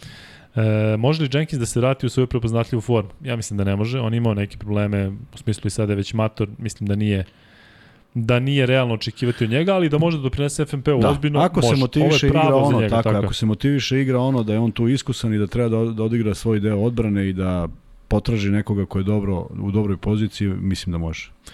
Zvezda će igrati u Pioniru i u Niko ne Areni. odgovara, da. za free bet? Ovo svi odgovaraju. Kipar, uh, Pethor je prvi odgovorio da je na Kipru, pa i sad ovi odgovori. Kipar, Kipar, Kipar, Kipar, Kipar, Kipar, Kipar, Nikozija, Ilija kaže Kipar, Nikozija, Rumunija, Kipar, ne znam, gledaj se dalje, Šrilanka, Hrvatska. Bangladeš, Belgija, Rumunija. Da, ima duhovitih ljudi. Dobro, dakle, Dakle, Kipar. e, Pethor, znaš koja je procedura, MaxBetov ID, pošalješ Kuzmi na Instagram na Luka i Kuzma nalog. E, bilo je još dosta pitanja koje sam propustio.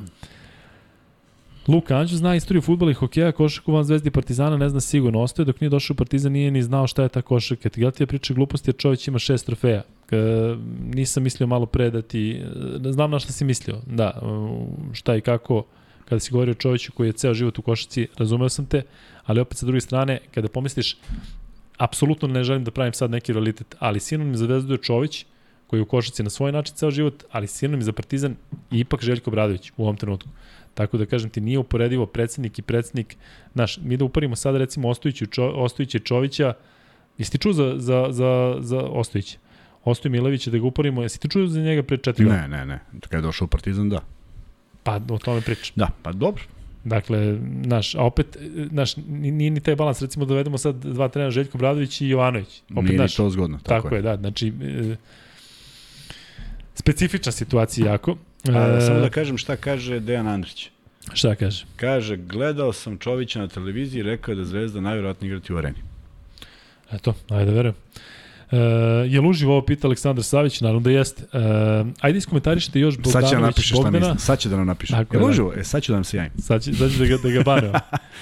E, u četvrtak se obara rekord u tranju podcasta, to verovatno govorite zbog Miloja. Da, Vanja... E, Milo ima samo 15 minuta. ti e, i onda mi pričamo tipo mi pričamo o NBA ligi pričamo je Vanja znaš e, ali Vanja ti vidi u potrebi što kaže u kumu e, Corleone upotrebi svu svoju moć svu svoju veštinu da taj podcast traje malo ran, da, da se skrati koliko god da imali poštovanja prema svemu ali ovaj Milo je ipak Milo je kad bi mogli da uklopimo da recimo Pa počnemo to nije do do mene, 11 to je, to je do vas. do Javit ćemo da. blagovremeno kad počinjemo, što je vrlo važno. Što je Pušica otišao iz FNP-a? Ne znamo, videli smo tu informaciju Da. kao i vi. Gde je Tasić iz FNP-a? Uh, Ne znam. Pa ja mislim da je dalje u FNP-u. Pa neko pita s nekim razlogom. Ja sam, ja sam se nadao da će ostati. Da. E, da li se zna šta će biti sa Vajtom u Zvezdi, Kuzma? Mislim Ostaje, novi piše ugovor, da je tako. ostao, da. Dajte free bet ovom sreti, šteti, humor mu je na zavidnom nivou. Dobro. E, Uroš Tripković ima fantastične izbače, uvijek me podsjeća na Alana Houston iz Knicks, jeste Alan Houston. Mada nije, šta znam, Alan Houston nekako izva, izvlačio loptu e, s širim Ne, zlaktovima. ne, nema kakvi. Da, ali, ali jednako su bili precizni. E, dobro. Ne zaboravi da je dobro, dobro, sad imamo ovde ovaj malo sukob e, Ostoja Čović. Kuzma, sećaš li se Stefana Simanića iz BiH? Šimanića, Simanića. Ti poznato? Pitaju te. Ne. Dobro. Idemo dalje. E, je li Miletić još u Partizanu? Jeste Miletić, odgovario ovde, kada ovo, to je Dušan Miletić. E, ali će verovatno otići. Ovde naši gledalci postaje pitanje i onda sam i onda im dobiju odgovor pre nego što mi stignemo. Kuzma, da li Nedović treba da poboljša odbranu, a ne da bude da ga nose u odbrani kao krpu? Pa nisu baš kao krpu, ali treba da poboljša odbranu, zato što mora da, da kažem, da bi bio vođa ekipe mora da uradi i taj deo. Uh, ono što je fascinantno kod tih brzih igrača, zamisli koliko je njemu lako neke stvari da radi i koliko je samo pitanje volje i želje. Govoriš u odbrani ili u napadu? Govorim generalno o odbrani. Znači, to je prva, prva stvar, to su nas učili, pitanje da li hoćeš ili nećeš. Možda znaš šta god hoćeš ako nećeš. Ali ako imaš već sve fizikalije, ne mora to bude neka granitna odbrana, ti sad primaš igrače i da, da, da, se, da se raspadaš po svaku cenu, ali da ne dozvoliš jedan na jedan, da nema lakog prodora. E, to su stvari koje brzi igrači samo ako žele mogu da urade. Ja mislim da je on sposoban i mislim da ako prepozna da je to jedan kvalitet za njegovu igru, neće se on umoriti mnogo više. Pričali, Lukman je pričao o njegovim fizikalijama koje su fantastične. I mislim da će biti dobro spreman, ali samo da da uh, svojim saigračima podršku i u tom segmentu da bi oni ginuli. Ali ja mislim da to više. mogu da budu samo uh, periodični potezi. Da ne može on da igra sa odbranu. Pa, Zamisli da Nedović igra odbranu na nivou kako Lazić igra odbranu. Da li stvarno ne misliš može, da bi, ne, da bi ne, imao u očekujem, napadu... ne očekujem, pa ne, Ne, ali da se kažem. troši, da se troši kao Lazić što se troši u odbrani, da se on troši u odbrani, da li bi u napadu on mogao da ima tri ne zakucavanja u očekujem, pa naravno da ali ne očekujem. Ali to ono što kažeš, da li je pitanje samo da li hoće ili neće. Takvi igrači, ja mislim da ipak moraju u neku ruku da se štede u odbrani. Ok, on se štedi već u startu, što imaš neka tri napadača. Na tako, tri napadača na spoljnoj liniji. Ne mogu sva tri da budu glavni napadači. Da. I oni imaju nekoga ko je manje ili više glavni. I on će otići na najsporednijeg. Ali taj sporedni ne sme da koš. Ne sme da obiđe Nedović. Taj koji od kojeg ništa ne, ne znači. I mene je izluđivalo kada sam gledao ne samo kod naših timova, nego i kod timova u Euroligi, kada Spanulis čuva, ajde da kažemo uslovno rečeno, najslabijeg napadača. Nikada ne iskoriste tu prednost da ga napadnu. I to čak se dešava da Spanulis čuva višeg igrača. Samo neka post-up igra, samo da primi loptu dole ispod koša.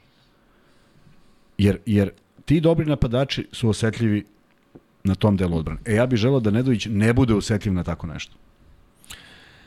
Biće zanimljivo gledati e, Nedovića i mislim da ne treba vi svi da očekujete da će on sada da radi sve što je radio Kalnić i da će raditi od Ne, početka. daleko Dakle, pritom ja ne znam ni on koliko je fizički uopšte spreman. Dakle, on prošle godine nešto malo, malo pa, pa je bilo neki problema. Daj Bože da je 100% u formi, ali kažem, nije za očekivati da igde iko uh, uredi ono što je Kalinić uradio prošle sezone, a to je da nosi ekipu na, na, na leđima od početka do kraja. Od prve do poslednje utakmice. Vidjet ćemo ko će završiti ovaj, na, na evropskom prvenstvu, jer taj će imati mnogo teži ulazak u sezonu. Da. Uh, Svi ti jeste. igrači koji budu bili na evropskom prvenstvu. E, da, dobili smo Češku danas za u 18, tako? 3-0. Jeste. E, 3-0. E, osmina finala sa Crnogorcima, da igramo protiv Crne Gore. E, To znači da Crna Gora poslednja u svojoj grupi. Da, i e, nisam siguran da baš dobro poznajem tu je ovaj, za, za Crnu Goru ne mogu da garantujem da koliko znam igrača, ali mislim da smo tu favoriti posle svega što smo radili i da bi trebalo da se dobije. E, Kuzma, da li vam se dopada e, Luka Kuzma, da li vam se dopada novo pravilo o challenge u Euroligi? Ispalo je fenomenalno kad je neko tražio Luka Mitrović, Hollins i neko je bio u duelu Jeste, i, Jeste, jeste. i Mitrović je potrčao prema Radonjiću koji je bio nervozan što sudija dosuđuje loptu i onda je on tražio challenge i neverovatno ono... šta beše Efes, tako? Ne znam koji. Ne mogu sad, setim ubime Bog. Ali fora bila što to si mogao da vidiš samo iz jednog ugla u 46. frejmu razloženo što obično oko ne može da vidi i upalilo je i to je bio challenge pa smo se onda svi šalili kakvo oštro oko ima Radonjić kad je tražio challenge, u stvari ga je tražio čisto da, čisto da proba da se nešto desi. Ne znam koliko to, to dosta usporava igru i svo ono gledanje i nekako mi se činilo da je ove godine za nijansu manje to gledanja bilo. Tako mi se činilo, Mm, da, moguće. ali ga ne volim. Da li ste znali da je Adams i Zvezda i Adams i Devite iste visine, iste težine, toliko identični igrači? Nismo znali, ali uh, bio je ovaj Adams, uh, Josh Adams, sećaš se Adamsa onog muke one u Australiji kad si gledao meče koje sam prenosio Da, da, ono da, životinje, da, da, oni da. što šutne 2 od 19, Da. pa još hoće da se bije, pa je sav oni što igraju i za Efes, igrao i za Autodor gde je sve igrao. Teško ga, iz, ono, mislim da je on Mike James, australijski košak, iako je amerikanac. Idemo dalje. E, pitanje za Luku i Kuzmu. Odlični treneri u Euroligi, velika imena, Skariolo, Mesina, Željko. Da li tu postoji velik, veliki rivalitet? Sigurno da postoji. Šteta što nema Lasa. Mislim da bi on nekako se možda uklapa u ta imena. Ali ovaj, vide, vidjet ćemo šta i kako. Ima i mnogo novih trenera, pričat ćemo o novim trenerima u Euroligi. Danas sam, danas sam se zapitao gde je John Plaza, pošto sam zaboravio. Sećaš se Plaza? Sećam se. E, zašto recimo John Plaza nije bio kandidat za trenera Crvene zvezde?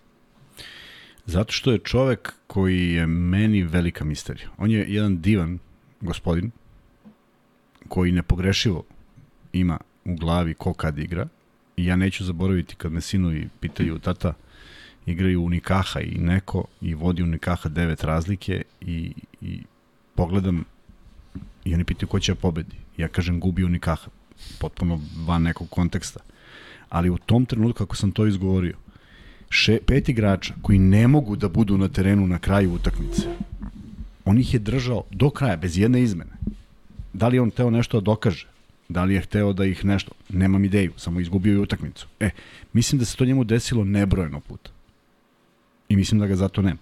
Jer, on je igrao, vodio je Real Betis pre godinu dana i više ga nema nigde. Pa do, ok, možda, možda se Ali je on os, osvojio je Eurocup. Sve to je, ja, sve to tako. Real, sve vodio to tako. Zenit. Samo mi je nejasno ovo bilo i to je trajalo Da. i trajalo. Iz utakmice u utakmicu si mogu da primetiš da nešto nije u redu. I tačno postoji neka minutaža kako on to određuje ničim izazvan. Da, ali ako pogledaš tako smo se čudili i Pablo Lasu i Realu i u finalu Euroligi. Pa i jesmo se začudili, jeste bilo blesavo. Da. Mislim da i on je rekao da nešto nije bilo kako treba. E, da. E, kažu sad za ovog Adamsa da je bio i u, u Virtusu, da. E, pozdrav za sve vas iz Beča, da li imate Paypal? Kuzma, ili imamo Paypal? Nemamo još. Da, Kuzma ga je otvorio pre jedno tri meseca i tu je negde stalo. Svaka čast za podcast, hvala. E, e, dobro. Komentarišu sad ovde neke igrače. Da li ste čuli za KK budućnost iz Bijeljine? Odatle su potekli Simanić, Đoko Šjalić i ITT. Da, čuo sam Čuli i to smo, je da. vodio Dario Čojić. I svu tu Da. decu je on negde e, odveo kući, e, hranio, oblačio, trenirao. Bez njega teško da bi da bi postojali u, da bi ih neko prepoznao uopšte. Gde vidite Sašu Đorđevića kao naravnog trenera i mišljenje o trenerima generalno ove sezone u Euroligi? To sam mislio. Da, mnogo, mnogo kvalitetnih trenera. Dakle, mislim da je ono, ovo sada možda i najjača Euroligaška sezona što se tiče trenera. Ne, ja sam tu vrlo oprezan pod najjače i najkvalitetniji i sve, ne znam, ne mogu dok ne budem sagledao Da, šta gde i kako. Jel shvataš da Željko bio jedno vreme van Euroligi, da su Mesina i Skariolo bili u NBA ligi, Dobro. a sada su sva trojica tu. Dakle, Dobro. samo njih trojica. Pa znam, ali bio i Duda Ivković do nedavno u Euroligi. Bio je, Pa je ali, bilo jako, pa je bio opet treneri koji su se povukli ili nisu tu. Pa je bio taj Plaza, pa se povukao, pa više nije tu. Da. Pa je bilo tu dosta nekih trenera koji su, koji su bili sasvim dobri. E, gde vidite Sašu Đorđevića kao narodnog trenera? E, prvi deo pitanja. Gde ga vidiš? Gde je trener? Ne, gde ga vidimo? A gde je sada? Nigde. Stvarno? Tebi, tako je. Pa je Saša Đorđević, misliš da je vodi neku ekipu? Ne. Vodi je Fenerbahče, dobio otkaz. Pa zar nije nešto uzu? Nije Nije. bilo ni nagovešte da uzme nešto. Možda je bilo nagovešta, ali znaš da smo pričali da sam ja rekao da ako ne uspeo se Peštin, treba se vratiti u reprezentaciju. Da, ba, vidi, uh, Ja ga recimo vidim u nekoj reprezentaciji. Mislim da bi, ako je, pošto mislim da je posle svega, kada pogledamo da je, on je neki ružan način, kače se i sa gazdom Panatenikosa, pa je onda imao i na problem u Bayernu, da, je- da, da, znaš i da je u Bayernu bio, pa Virtus osvoji 4-0, pa ode. Nekako mi deluje da je, da je najsigurniji nekog u reprezentaciji i da bi mogao da preozme, recimo, um, uz dužno poštovanje trenera Slovenije, on je nekako mnogo manje ime od igrača. Zamisli ti da na, na recimo, e, mestu trenera Slovenije imaš Sašu Đorđević, recimo. pa ne znam šta treba mislim. Gde ga vidiš? Pitaju te ljudi. Šta misliš? Ne znam, zaista je prošao 3, 4, 5 klubova. E, nigde nije produžio. Nigde nije ostao duže od onoliko koliko je bilo predviđeno.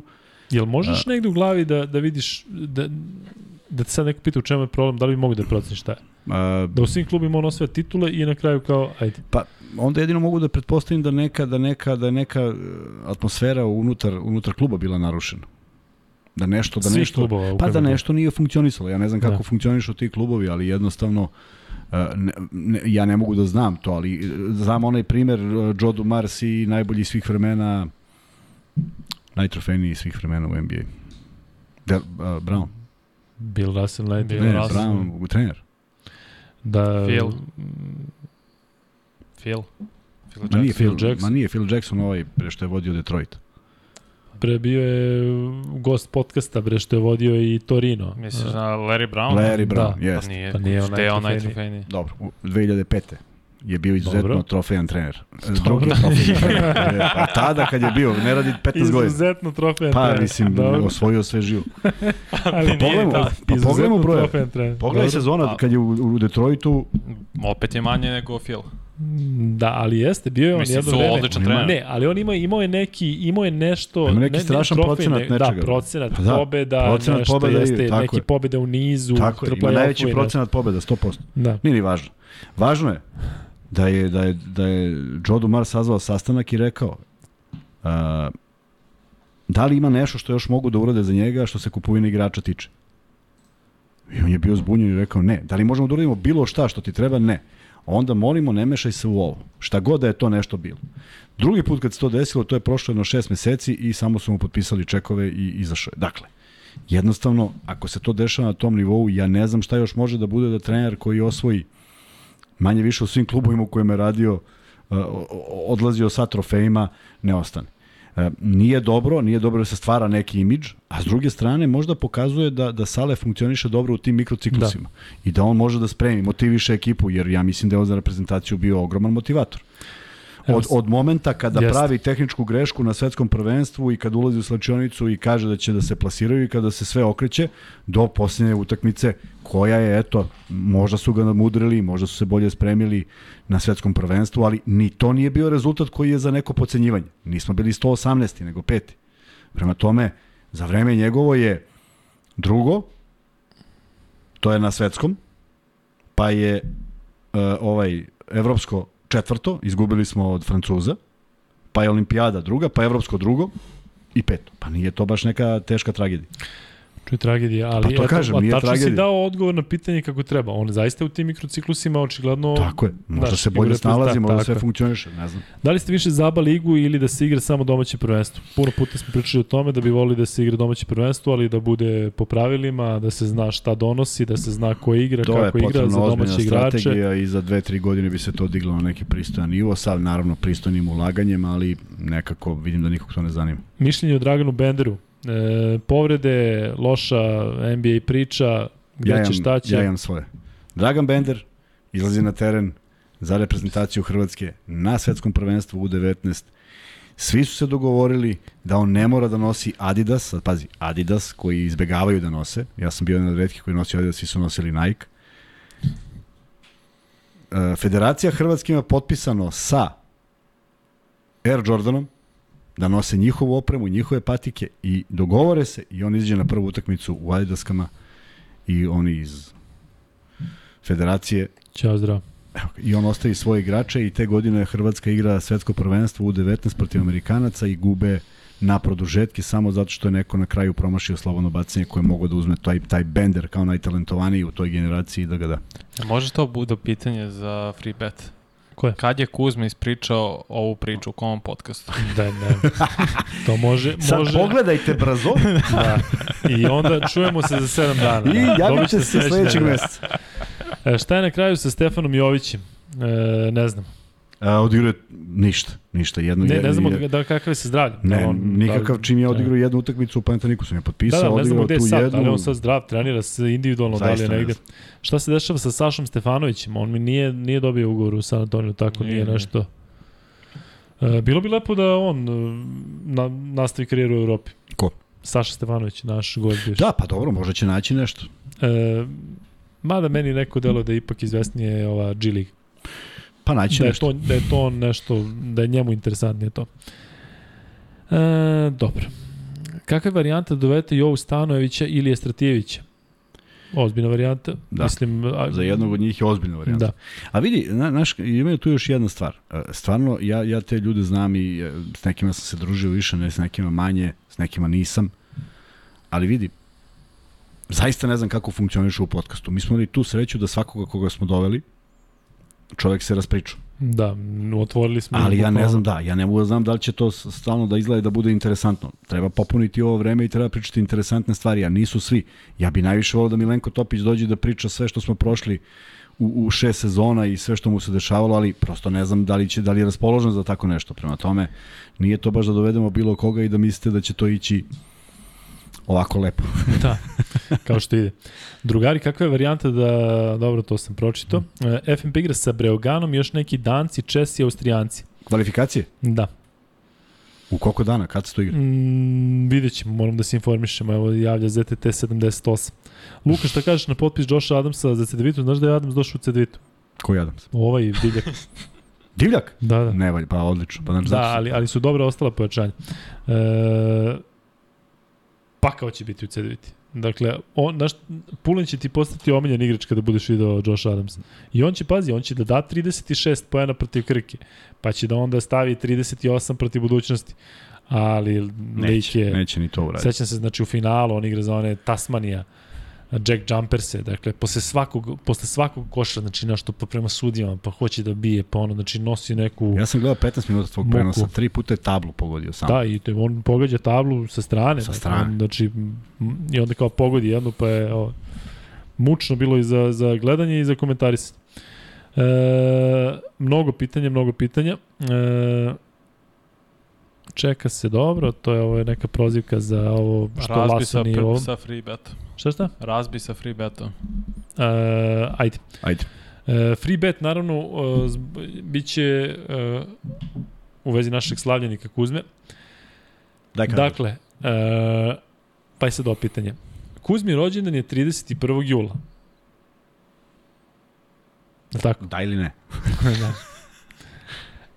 Kada smo mislili, koji je bio moj promašaj, kada sam mislio da je rođendan, kada mu je bio lažni rođendan kada smo slavili?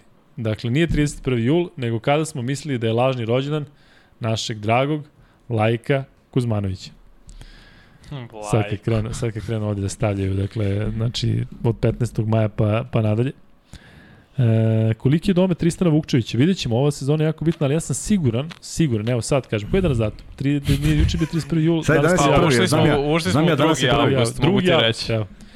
Balša Koprivica će pokidati naredne godine, samo da je zdrav. Ja sam rekao, ima da počne da pišem ko Barkley. Znaš da oni napišu Ne, moraš, pa Barkley, Barkley kaže sve. kao, Indijana će, ne znam, da osvoji. Ne, Ne znam šta napisat ćemo time code. Tako je, dakle, Balša Koprivica, Kida, Kidač. U koju diskoteku ide Kuzma nakon podcasta? u, u, u XL, XL. Sam- diskoteku ljudi ustajem rano ujutru? Gde smo se nalazili, aj ti, pa smo nešto išli u Sarajevsku, nešto, šta smo radili tamo, mutili pre jedno 10 dana, nešto smo se nalazili. A, jesmo. Jesmo. Ima tamo neka diskoteka? E, Pa taj XL se sad isto zove nekako neki, sad će? XL, da, da. Ne sjećam isto. se, nikad nisam bio. Nisi bio XL? Znam da zvuči nevjerovatno, ali nisam. E, šta mislite, da li treba da bude veći upliv futbolskih kluba Partizana i Zvezde u koka klubove kao što je to slučaj sa Realom, Barsom i Fenerom? Nikako. Dakle, mnogo piljavština ima u oba futbolska kluba, dakle, ne bih volao da se meša to sa košakom. Uz dužno poštovanje, svi koji vode, svi koji vole, dakle, futbol volimo svi i to mi iskreno ti kažem, e, kada govorimo o, o ushićenju. Kako ćeš da pratiš ti svetsko prvenstvo u futbolu? Će ti biti baš briga ili ćeš da gledaš Mene baš briga, Da, ja umirim. ozbiljno. O, ovo, ovo košarkaško ću pratim sa manje. Evropsko prvenstvo. Zvezda i Partizan u Euroligi i to preseče svetsko prvenstvo u futbolu sa Srbijom. A mi treba radimo ovde neku košarku. A svi gledamo futbol. A pritom ćemo pričati o futbolu i o košarci. Znači kada onog Mitrović dao gol i ostalo. Teodosić ili Đorđević, ko je po vama imao bolju karijeru? Bolji igrač i bolju karijeru? Nisu uporedivi, mislim, ako. Uh, Mislim, Teodos, teško. još ima karijeru. da, još traje i fantastična je i nebrojeni broj final, final forova.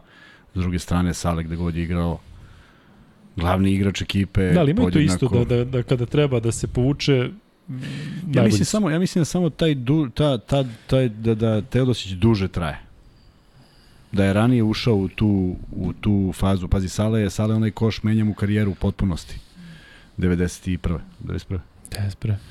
A on je 60 i 92. 92. A on je 67. 7. Ili 9. Nije, nije, Sedmo, nije stariji od mene dve godine. 7. Znaš, to je 25 godina.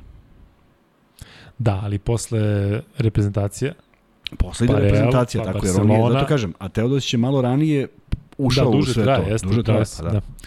A, Luka Vanja, ste našli da je Durant pušio marihuanu? Jesmo, to nije nikakav vest, tako? Mislim, to tamo ne da nije vest, nego to je bilo bi vest da nije pušio Da, marihuanu. zamisli kao, uhvaćen da nije pušio marihuanu. Tako je. E, ono da Kyrie Irving ko je pitao da dolazi u Evropu, da će doći u nekom trenutku u Evropu, pa znate da, da je Durant rekao da će da igra u Barceloni, mislim da oni to tako kažu, više marketinški, ali da dođe, mada u slučaju Karija možda i nije nemoguće. To izjave kad nisu naduvani. Nije, Kairi je rekao da će da želi da igra u necima, da ne je važno da li će Durant biti tu ili ne ove narodne sezone. Ne, govore za Evropu, da dođe da igra u Evropu. Generalno. Pa on je rekao da će da bi volio da ne, igra u pa i Kobe je rekao bi teo da igra u Barceloni. Pa.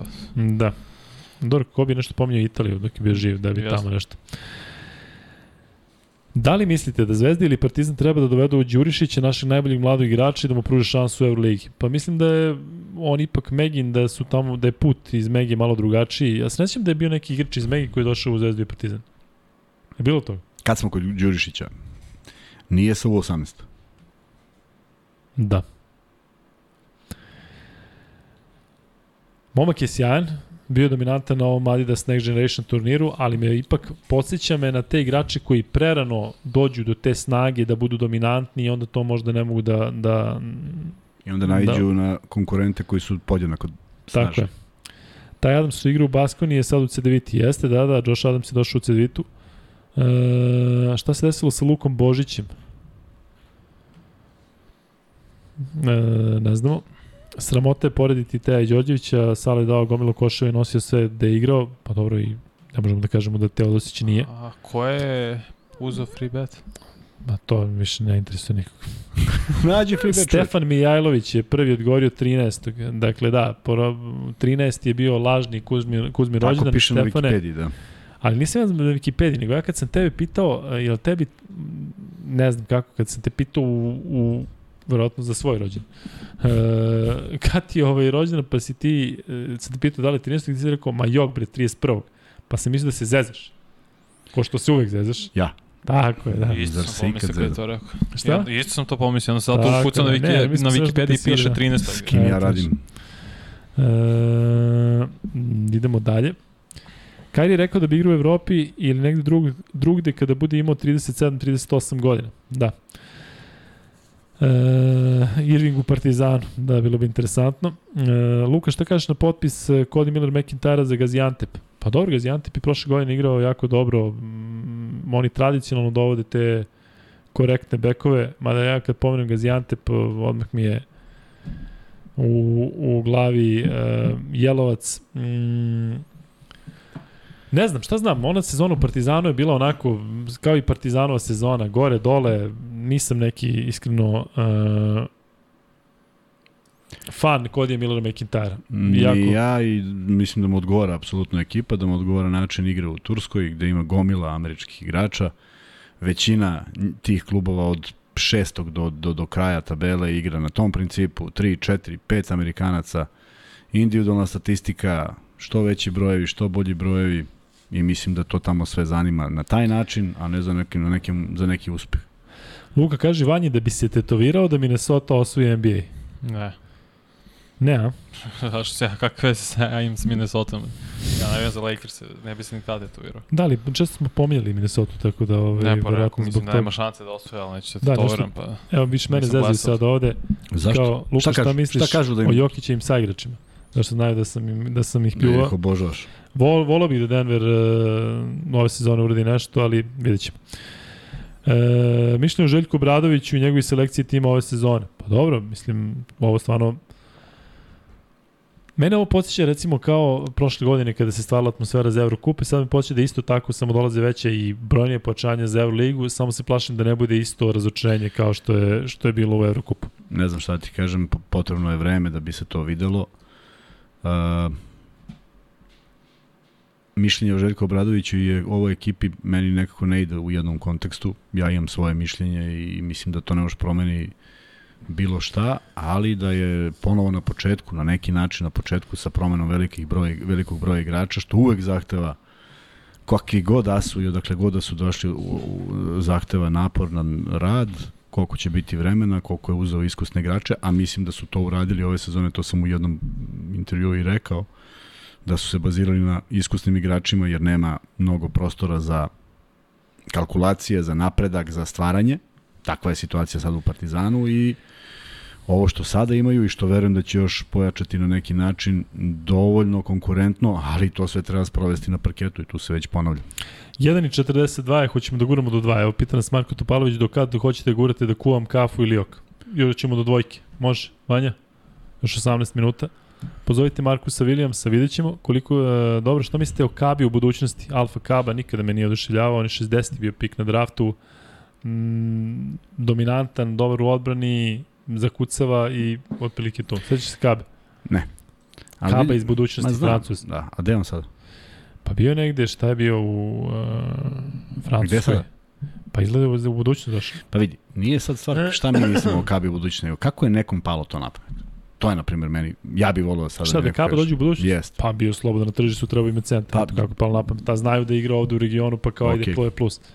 Ko pal na pamet, dogovali se menadžer i, i ovo. Ok. E, pa kako bilo šta padne na pamet igrača? Ne znam, ne znam. E, neko je dobro napisao kao nek, nek izgovaraju to Durant i Irving u Evropi kad nisu naduvani. to, je- to dobra fora. E, mišljenje o London Lionsima što igraju od ove godine u Eurokupu i kakve utice košake u Engleskoj. Pa oni pokušavaju da se tu, tamo košaka nije popularna, jednostavno ljudi ne zanima košaka, dakle tamo će biti prazne dvorane ili će dolaziti onako da m, organizovano Sećate se London Towersa koji su izgubili po 50 razlike u gde su igrali u onom Ulep kupu svoje vremeno. Ja mislim da će tek te, te ekipe koje igraju protiv njih osetiti šta znači viza i uh, ulazak u Britaniju. Tako je, da, da. što će biti stanovitih da, problema kad neko ne bude... Po šestorice kad uđu, da. Kad saznaju dan pred put da četvorica da. nemaju vizu. E, šta mislite Luka i Vanja o Chancey Bilopsu kao igraču i njegovom potencijalu za trenera? Meni se kao igrač dopadao zato što je bio jedan od onih pametnih playmakera koji je ekipu čini boljom, ali oprezan sam što se tiče trenera. Veoma klača igrač, baš je bio lider. Kao Bio je igrač, pravi, stvarno, da. I videlo se kad je on došao u Denver umesto Iversona, ta neka promena. Jeste. Tačno se osetilo i Sistem tad su došli se. do finala konferencije, čini se 2009. protiv Lakersa kad su izgubili. Dobro, da ne pričamo šta je uradio u Detroitu, mislim da nije potencijal da bude sjajan trener, Mm, ali ne u Portlandu. Mislim da će tek na drugom zapravo trenerskom mestu gde god to bilo ispuniti svoj potencijal, jer ne redko može iz prve, a ono situacija u Portlandu nije sad baš toliko zavidna da može nešto wow da napravi. Danko Branković potpisao za Megu. Uh, ovaj Hrvat mali, znaš što, ne znaš.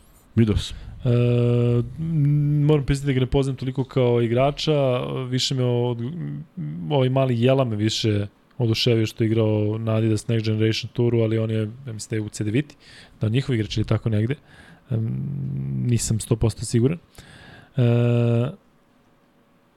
šta mislite o beloj čokoladi? Da li može u neku priču top 10 playmakera? E, mislim na... Jason Williams? Da, Ne može. Pa ne može, Ne može u top 30. atraktivnosti, da. Pa mislim, ali je bio poseban, bio je poseban, Bio je poseban, nešto, mislim da. da. niko nikad više neće uraditi onaj pas s laktom, da se razumemo. Jest, to da, je da, je- nešto što će ostati zauvek, ali nije neko ispunio pun potencijal, možda nije sad ni blizu top 10, ni blizu. Šta misli kako će biti sledeća sezona Cibone, samo da je bude? Uh, Da, do pre Mislim da se 10 poboljšala dana, situacija. Pa, Delo je se očigledno. poboljšao. E, ponovo pi- pitanje Urošu Tripkoviću. Uroš Tripković, malo malo po neko pitanje Urošu Tripkoviću. Da li je dostigao kroz karijeru svoj maksimalni domet? Sigurno nije. Ili su povrede ipak učinile svoje isto pitanje za Novicu Veličkovića? Veličković je odradio jako dobro on u Partizanu, pa je bio u Realu, pa Bamberg. Mislim da, mu, da im nisu uporedive karijere, a da su obojica mogli bolje, da su bili zdravi, mogli su.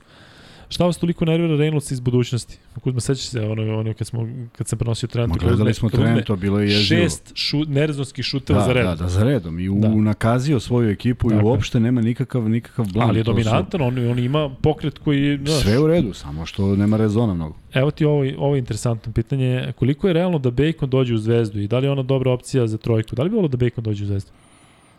Mm, pa, spouzan je i može da igra tu to nešto što evo sad u ovom što smo pričali o igračima nema baš tih pozicija da da bude na poziciji 3. Luka, šta kažeš na počanje Bajerna, Cassius Winston i onaj Gillespie? Daj, taj Gillespie mi je malo e, enigma, dakle on isto bio ono malo NBA G liga, malo NBA liga, dakle e, Bayern e, eksperimentiše, ali mislim da će tu bude bar sa jednim od njih. Branković je u Megu došao na dvogodišnju pozivnicu iz Bayerna, da. Marko Čekarević igra 3x3 za Partizan, jeste, i baš se vidi da, da je dobar. Za Cibonu se pominje Kruno Simon, to je bilo zaista sjajno da on nekako svojim imenom po, podigne ekipu. Šta mislite o Jelenu Bransonu kao igraču? On je potpisao za Nixa, tako? Da, da, Da. masijan ugor, pa fin jedan igrač, tako negde, top Da. 15-16 playmaker, ali nije sad ono, možda je treći, četvrti najbolji igrač u šampionskom timu neku. Nije sad on da pravi ogromnu razliku. Da. E, slušaj, o, ovaj chat kao bunar informacija za basket. Jeste, ovde se informišeš, nema, nema, nema, nema bolje mesta da se, da se informišeš od ovoga. E, da, ja stvarno Baconu mislim da je bio dobar. Ne, ne znam da li Zvezda ima igrača tako koji bi mogu da odigra 1-1 kao Bacon. Da mu napraviš lepu, lepu izolaciju, da on igra, Da, možda pogodi da. za tri sve. Ne vidim čak, ne mogu ni da ga poredim sa nekim od ranije koji je tako mogao. Pritom mislim da mu je ovo baš bila dobra sezona da se malo istakne i da sad krene, ali mislim da puno košta posebno posle ovakve sezone u Monaku i da ne verujem da više ima Da. para i u Zvezdi pa Partizanu da, za da, i ovi mnogo je potrošeno novca, tako da vidjet ćemo čime će se pokrpiti. Šta mislite o budućnosti i Kyleu Wilgeru? Nisam vidio da je potpisao, ako je Kyle Wilger potpisao za budućnost, to me raduje zato što ja njega volim kao igrača. Volim te bele igrače koji su pouzdani, koji pogađaju trojku. Sad ću baš da vidim da li je potpisao Wilger. Uh, ali uh, mislim da nema kvalitet recimo za ne, on je dalje u Tenerifama koliko vidim ovde. Uh, mislim da nema kvalitet za da bude lider u Euroligi. Tako Ne, da on može da igra to što igra i igra jako dobro, vrlo atipičan. namestili mu se tamo Turk Telekom, Da. tamo je baš imao slobodu Jest, da, da, da jest. cepa. Vrlo atipičan, pošto deluje malo Jest. smotano, Jest. ali, ali šutira savršeno. Treba istrpeti i to, zato što nije baš u oba, u, na, oba, na obe strane terena vrhunski, ali, ali to što radi, radi dobro. Luka Vanja, što vas nervira Mare i Porte? Što vas nerviraju, vjerojatno? Uh, Mene ne nerviraju. Mene nerviraju, Opa. evo ja ću reći. Kažem, zato što obojica hoće da budu lideri ekipe pored Jokića i uopšte ne shvataju da nije, ja sam vidio Portera da je četiri puta uzimao šuteve potpuno nerezonski, da Jokić ovako u trenutku šuta podiže e, ruke, a ovaj pogodi.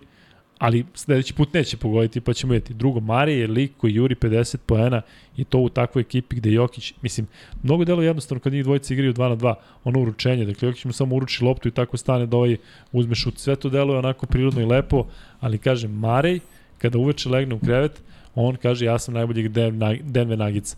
I čak mislim da sam negde mm, da, da mi je negde u glavi da je on tako govorio, ne znam šta, i bez obzira na to što je bio neki intervju gde oni uporedo pričaju jedan o drugom, izazivaju se, mislim da bi njihova hemija mogla da bude bolja. Da bi bili neki tim koji je konkurentan za titulu.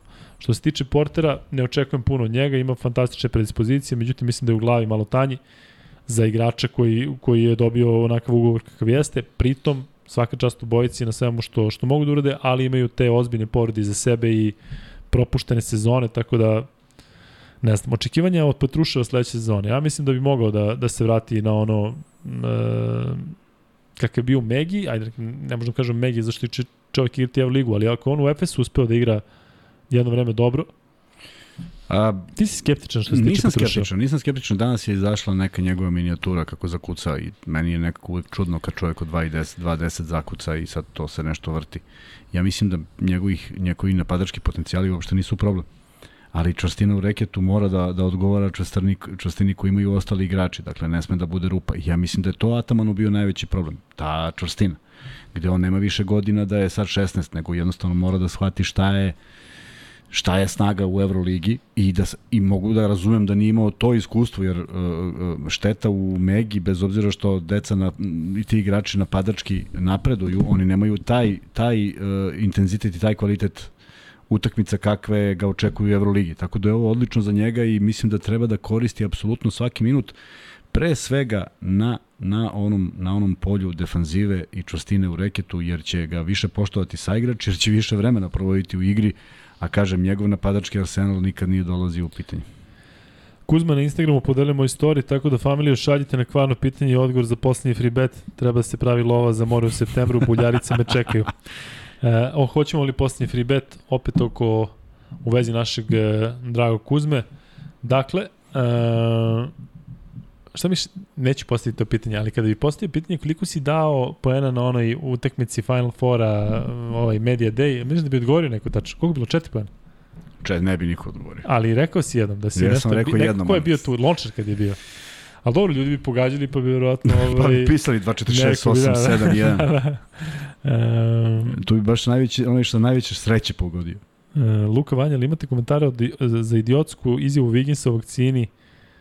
Ja sam ostao bez teksta. Si čuo za vakcinu što je rekao? Nisam čuo. Ne. Pa rekao je da je si kao da je zažalio ili šta je već rekao da, da je nije tip... zažalio što da je zažalio što se vakcinisao. Pa, pa dobro, da, da je tipa da je trebalo da je trebalo da se ne vakciniše da, da, da, da, ovo zato što ne znam šta. Ljudi da. svako ima svoje mišljenje i to je da, skroz ok, ja, da. to je njegovo telo može ima puno pravo da Jeste. bradi šta god želi s i da misli tako da ono, nema nikakav problem.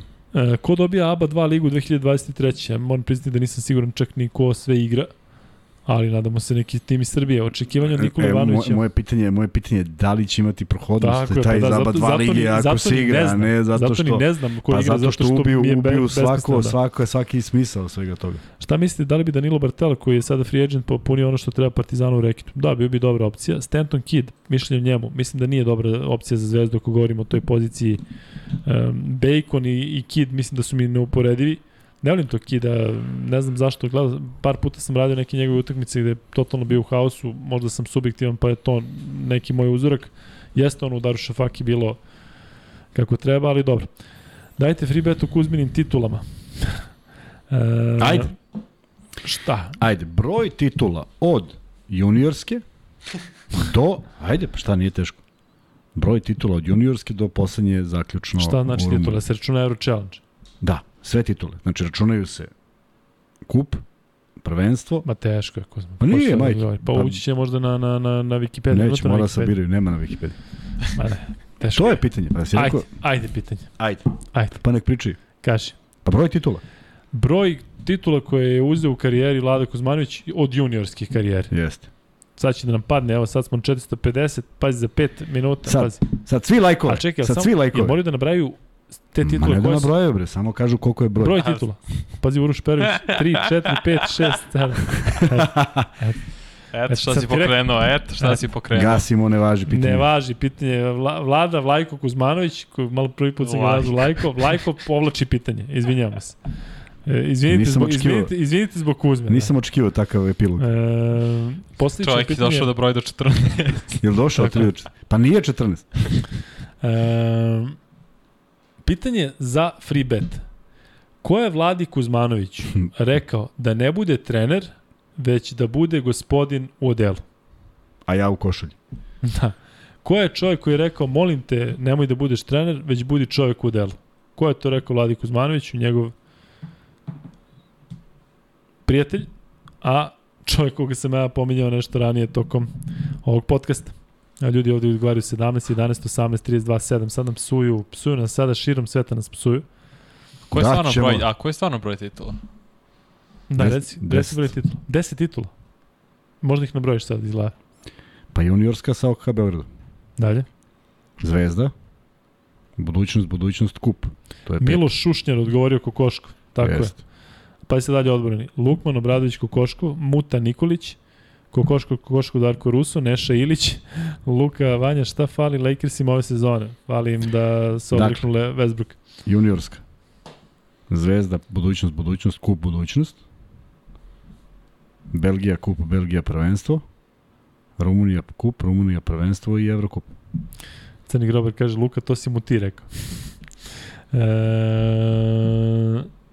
za Lakers, šalno strano, ja sam rekao ja ću da podržavam Westbrooka ove sezone, zašto ne volim kad tako drlje i kamenje. Svi, pa i mi smo, ovaj, ali ne piše se dobro Lakersima. E, Mislim čuo si da... ono, Hm? čuo si ono za Indijanu, kao Turner i A nema, Hill. to, nema toga bre priče. Mi bio je, imali su i razgovor Yes. od njih trojica, Davis, Lebron i Raz, kako su se zakunuli da će da ove, ova sezona da, šta, da, budu, da bude zajednička, da iskombinuju sve, ali mislim da treba budu zdravi pre svega, jer prošle godine opet nisu svi bili zdravi, pre svega gledam ka Anthony Davisu, njegov, njegov iz, izjavi da nije tako loptu od aprila kog i kog, pa je nakon toga kao povukao to i, i izlaze snimci da trenira, tako da mora Davis da bude zdrav pre svega, jer on mora da bude najbolji igrač. Ne može više Da. LeBron da bude, LeBron mora da bude playmaker, a Westbrook odbranben igrač da se snalazi, da utrčava, da on ima katove i tako to. Ne može Westbrook da više bude igrač sa najviše poseda, s najviše lo, vremena sa loptu kod sebe. Da, Nenad KG opet ovde kaže, ja sam prvi odgovorio, nisi, evo piše. Molim te, Vanja, potvrdi, potvrdi da je, Šušnjer. da, šušnja definitivno. Kojeg je tamnopunutog Srbiji pominjao Kuzma pre par emisija da bi mogao da igra za Srbiju? U, zaboravio sam ime, ali znam da postoji. U, u, U na Americi, da. da. A, raspitat ću se, pitat ću ovog Aleksa. Kada smo kod tamnoputih igrača, ima, to je Dulo Jošić pričao, sećam se, sedeli smo u, danas u tada i pričao on, e, se sećaš ti onog Onila koji je potpisao za Partizan pred 20 godina? Ne. Znači, došao Onil e, i kaže, Dule, to je najcrnji e, košarkaš koji je ikada bio u Partizanu. I sada on i Todorić i kaže, gledaju ga ovako ovaj nešto trening, i kaže, e, piše mu sada Onil iza. I kaže, Dule, kao, pa šta misliš, kao, dakle on, s ovim prezimenom, kaže Todorić, da nije možda Škot, ovaj crn, kao, znači, da ne može. Kako se, kako se zvao O'Neal? Bio čak, čak i neki partij imao dobro. Jedan od prvih, prvih Amerikanaca koji je došao u Partizan tokom eh, perioda Duško Vojošević. Urbana E, legenda za. Evija Lestera. Za? Za Evija Lestera koji igra za jugoplastiku. Dobro. Pa nije on bio baš nešto s- preterano dobar, ali igra u toj jugoplastici. I Pavličević je bio trener i da ga nauči šutira slobodna bacanja. I kaže, Evi, kaže, vidi, uzmeš loptu, izdahneš, tapneš dva puta, uzmeš u desno i šutneš. Vidi kako je prosto. On kaže, ali coach, Evi, nemoj ali coach. Uzmeš loptu desnom rukom, tapneš dva puta, šutneš, daš. Ali coach, ej, Evi, samo uradi. I on uzme desnom i okine vrh table. Šta kaže, u čemu je problem? Pa ja sam levak. Dobro. E, privodimo kraju. Podeli smo free betove. E, Vanja, još malo bilo Russell u tvoje mišljenje. Pa Jedan od Ne najvećih... mislim, mislim o njemu, nego sve što se desilo, kakve je tu udarac za... Da, njemu mišljenje jedan od najvećih sportista, najvećih pobednika. Sad kada pogledaš da 11 titula Od 13, i sve da. to, tako je, dve na koleđu isto uzu za redom.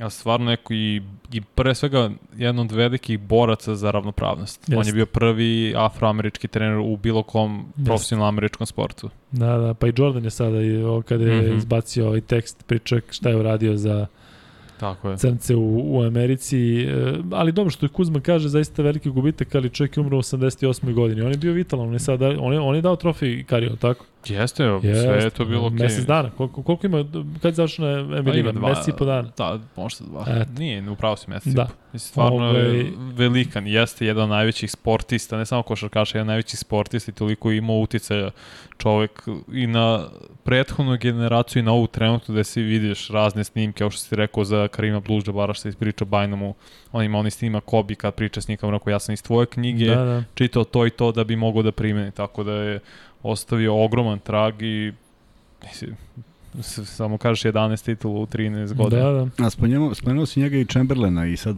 koliko odudara, odudara život i ponašanje i uopšte stav jednog Jeste. i drugog, koliko Da. je bio drugačiji, koliko je bio okrenut, okrenuti sportu. Je, znate da je tako. Chamberlain imao preozbiljnu odbojkašku karijeru posle košarkaške? Ne, Da, da. da, Znači, da. čovjek je igrao odbojku, bio nešto najbolji poenter u američkoj odbojci, čak imaju snimci, ono, ovoliko, znaš koliko iznad mreže. Ele, e, dva sata u ovom trenutku, dakle, vreme da završamo. na šta je dodao, šta je razlika između Bill Russella i Chamberlaina? šta?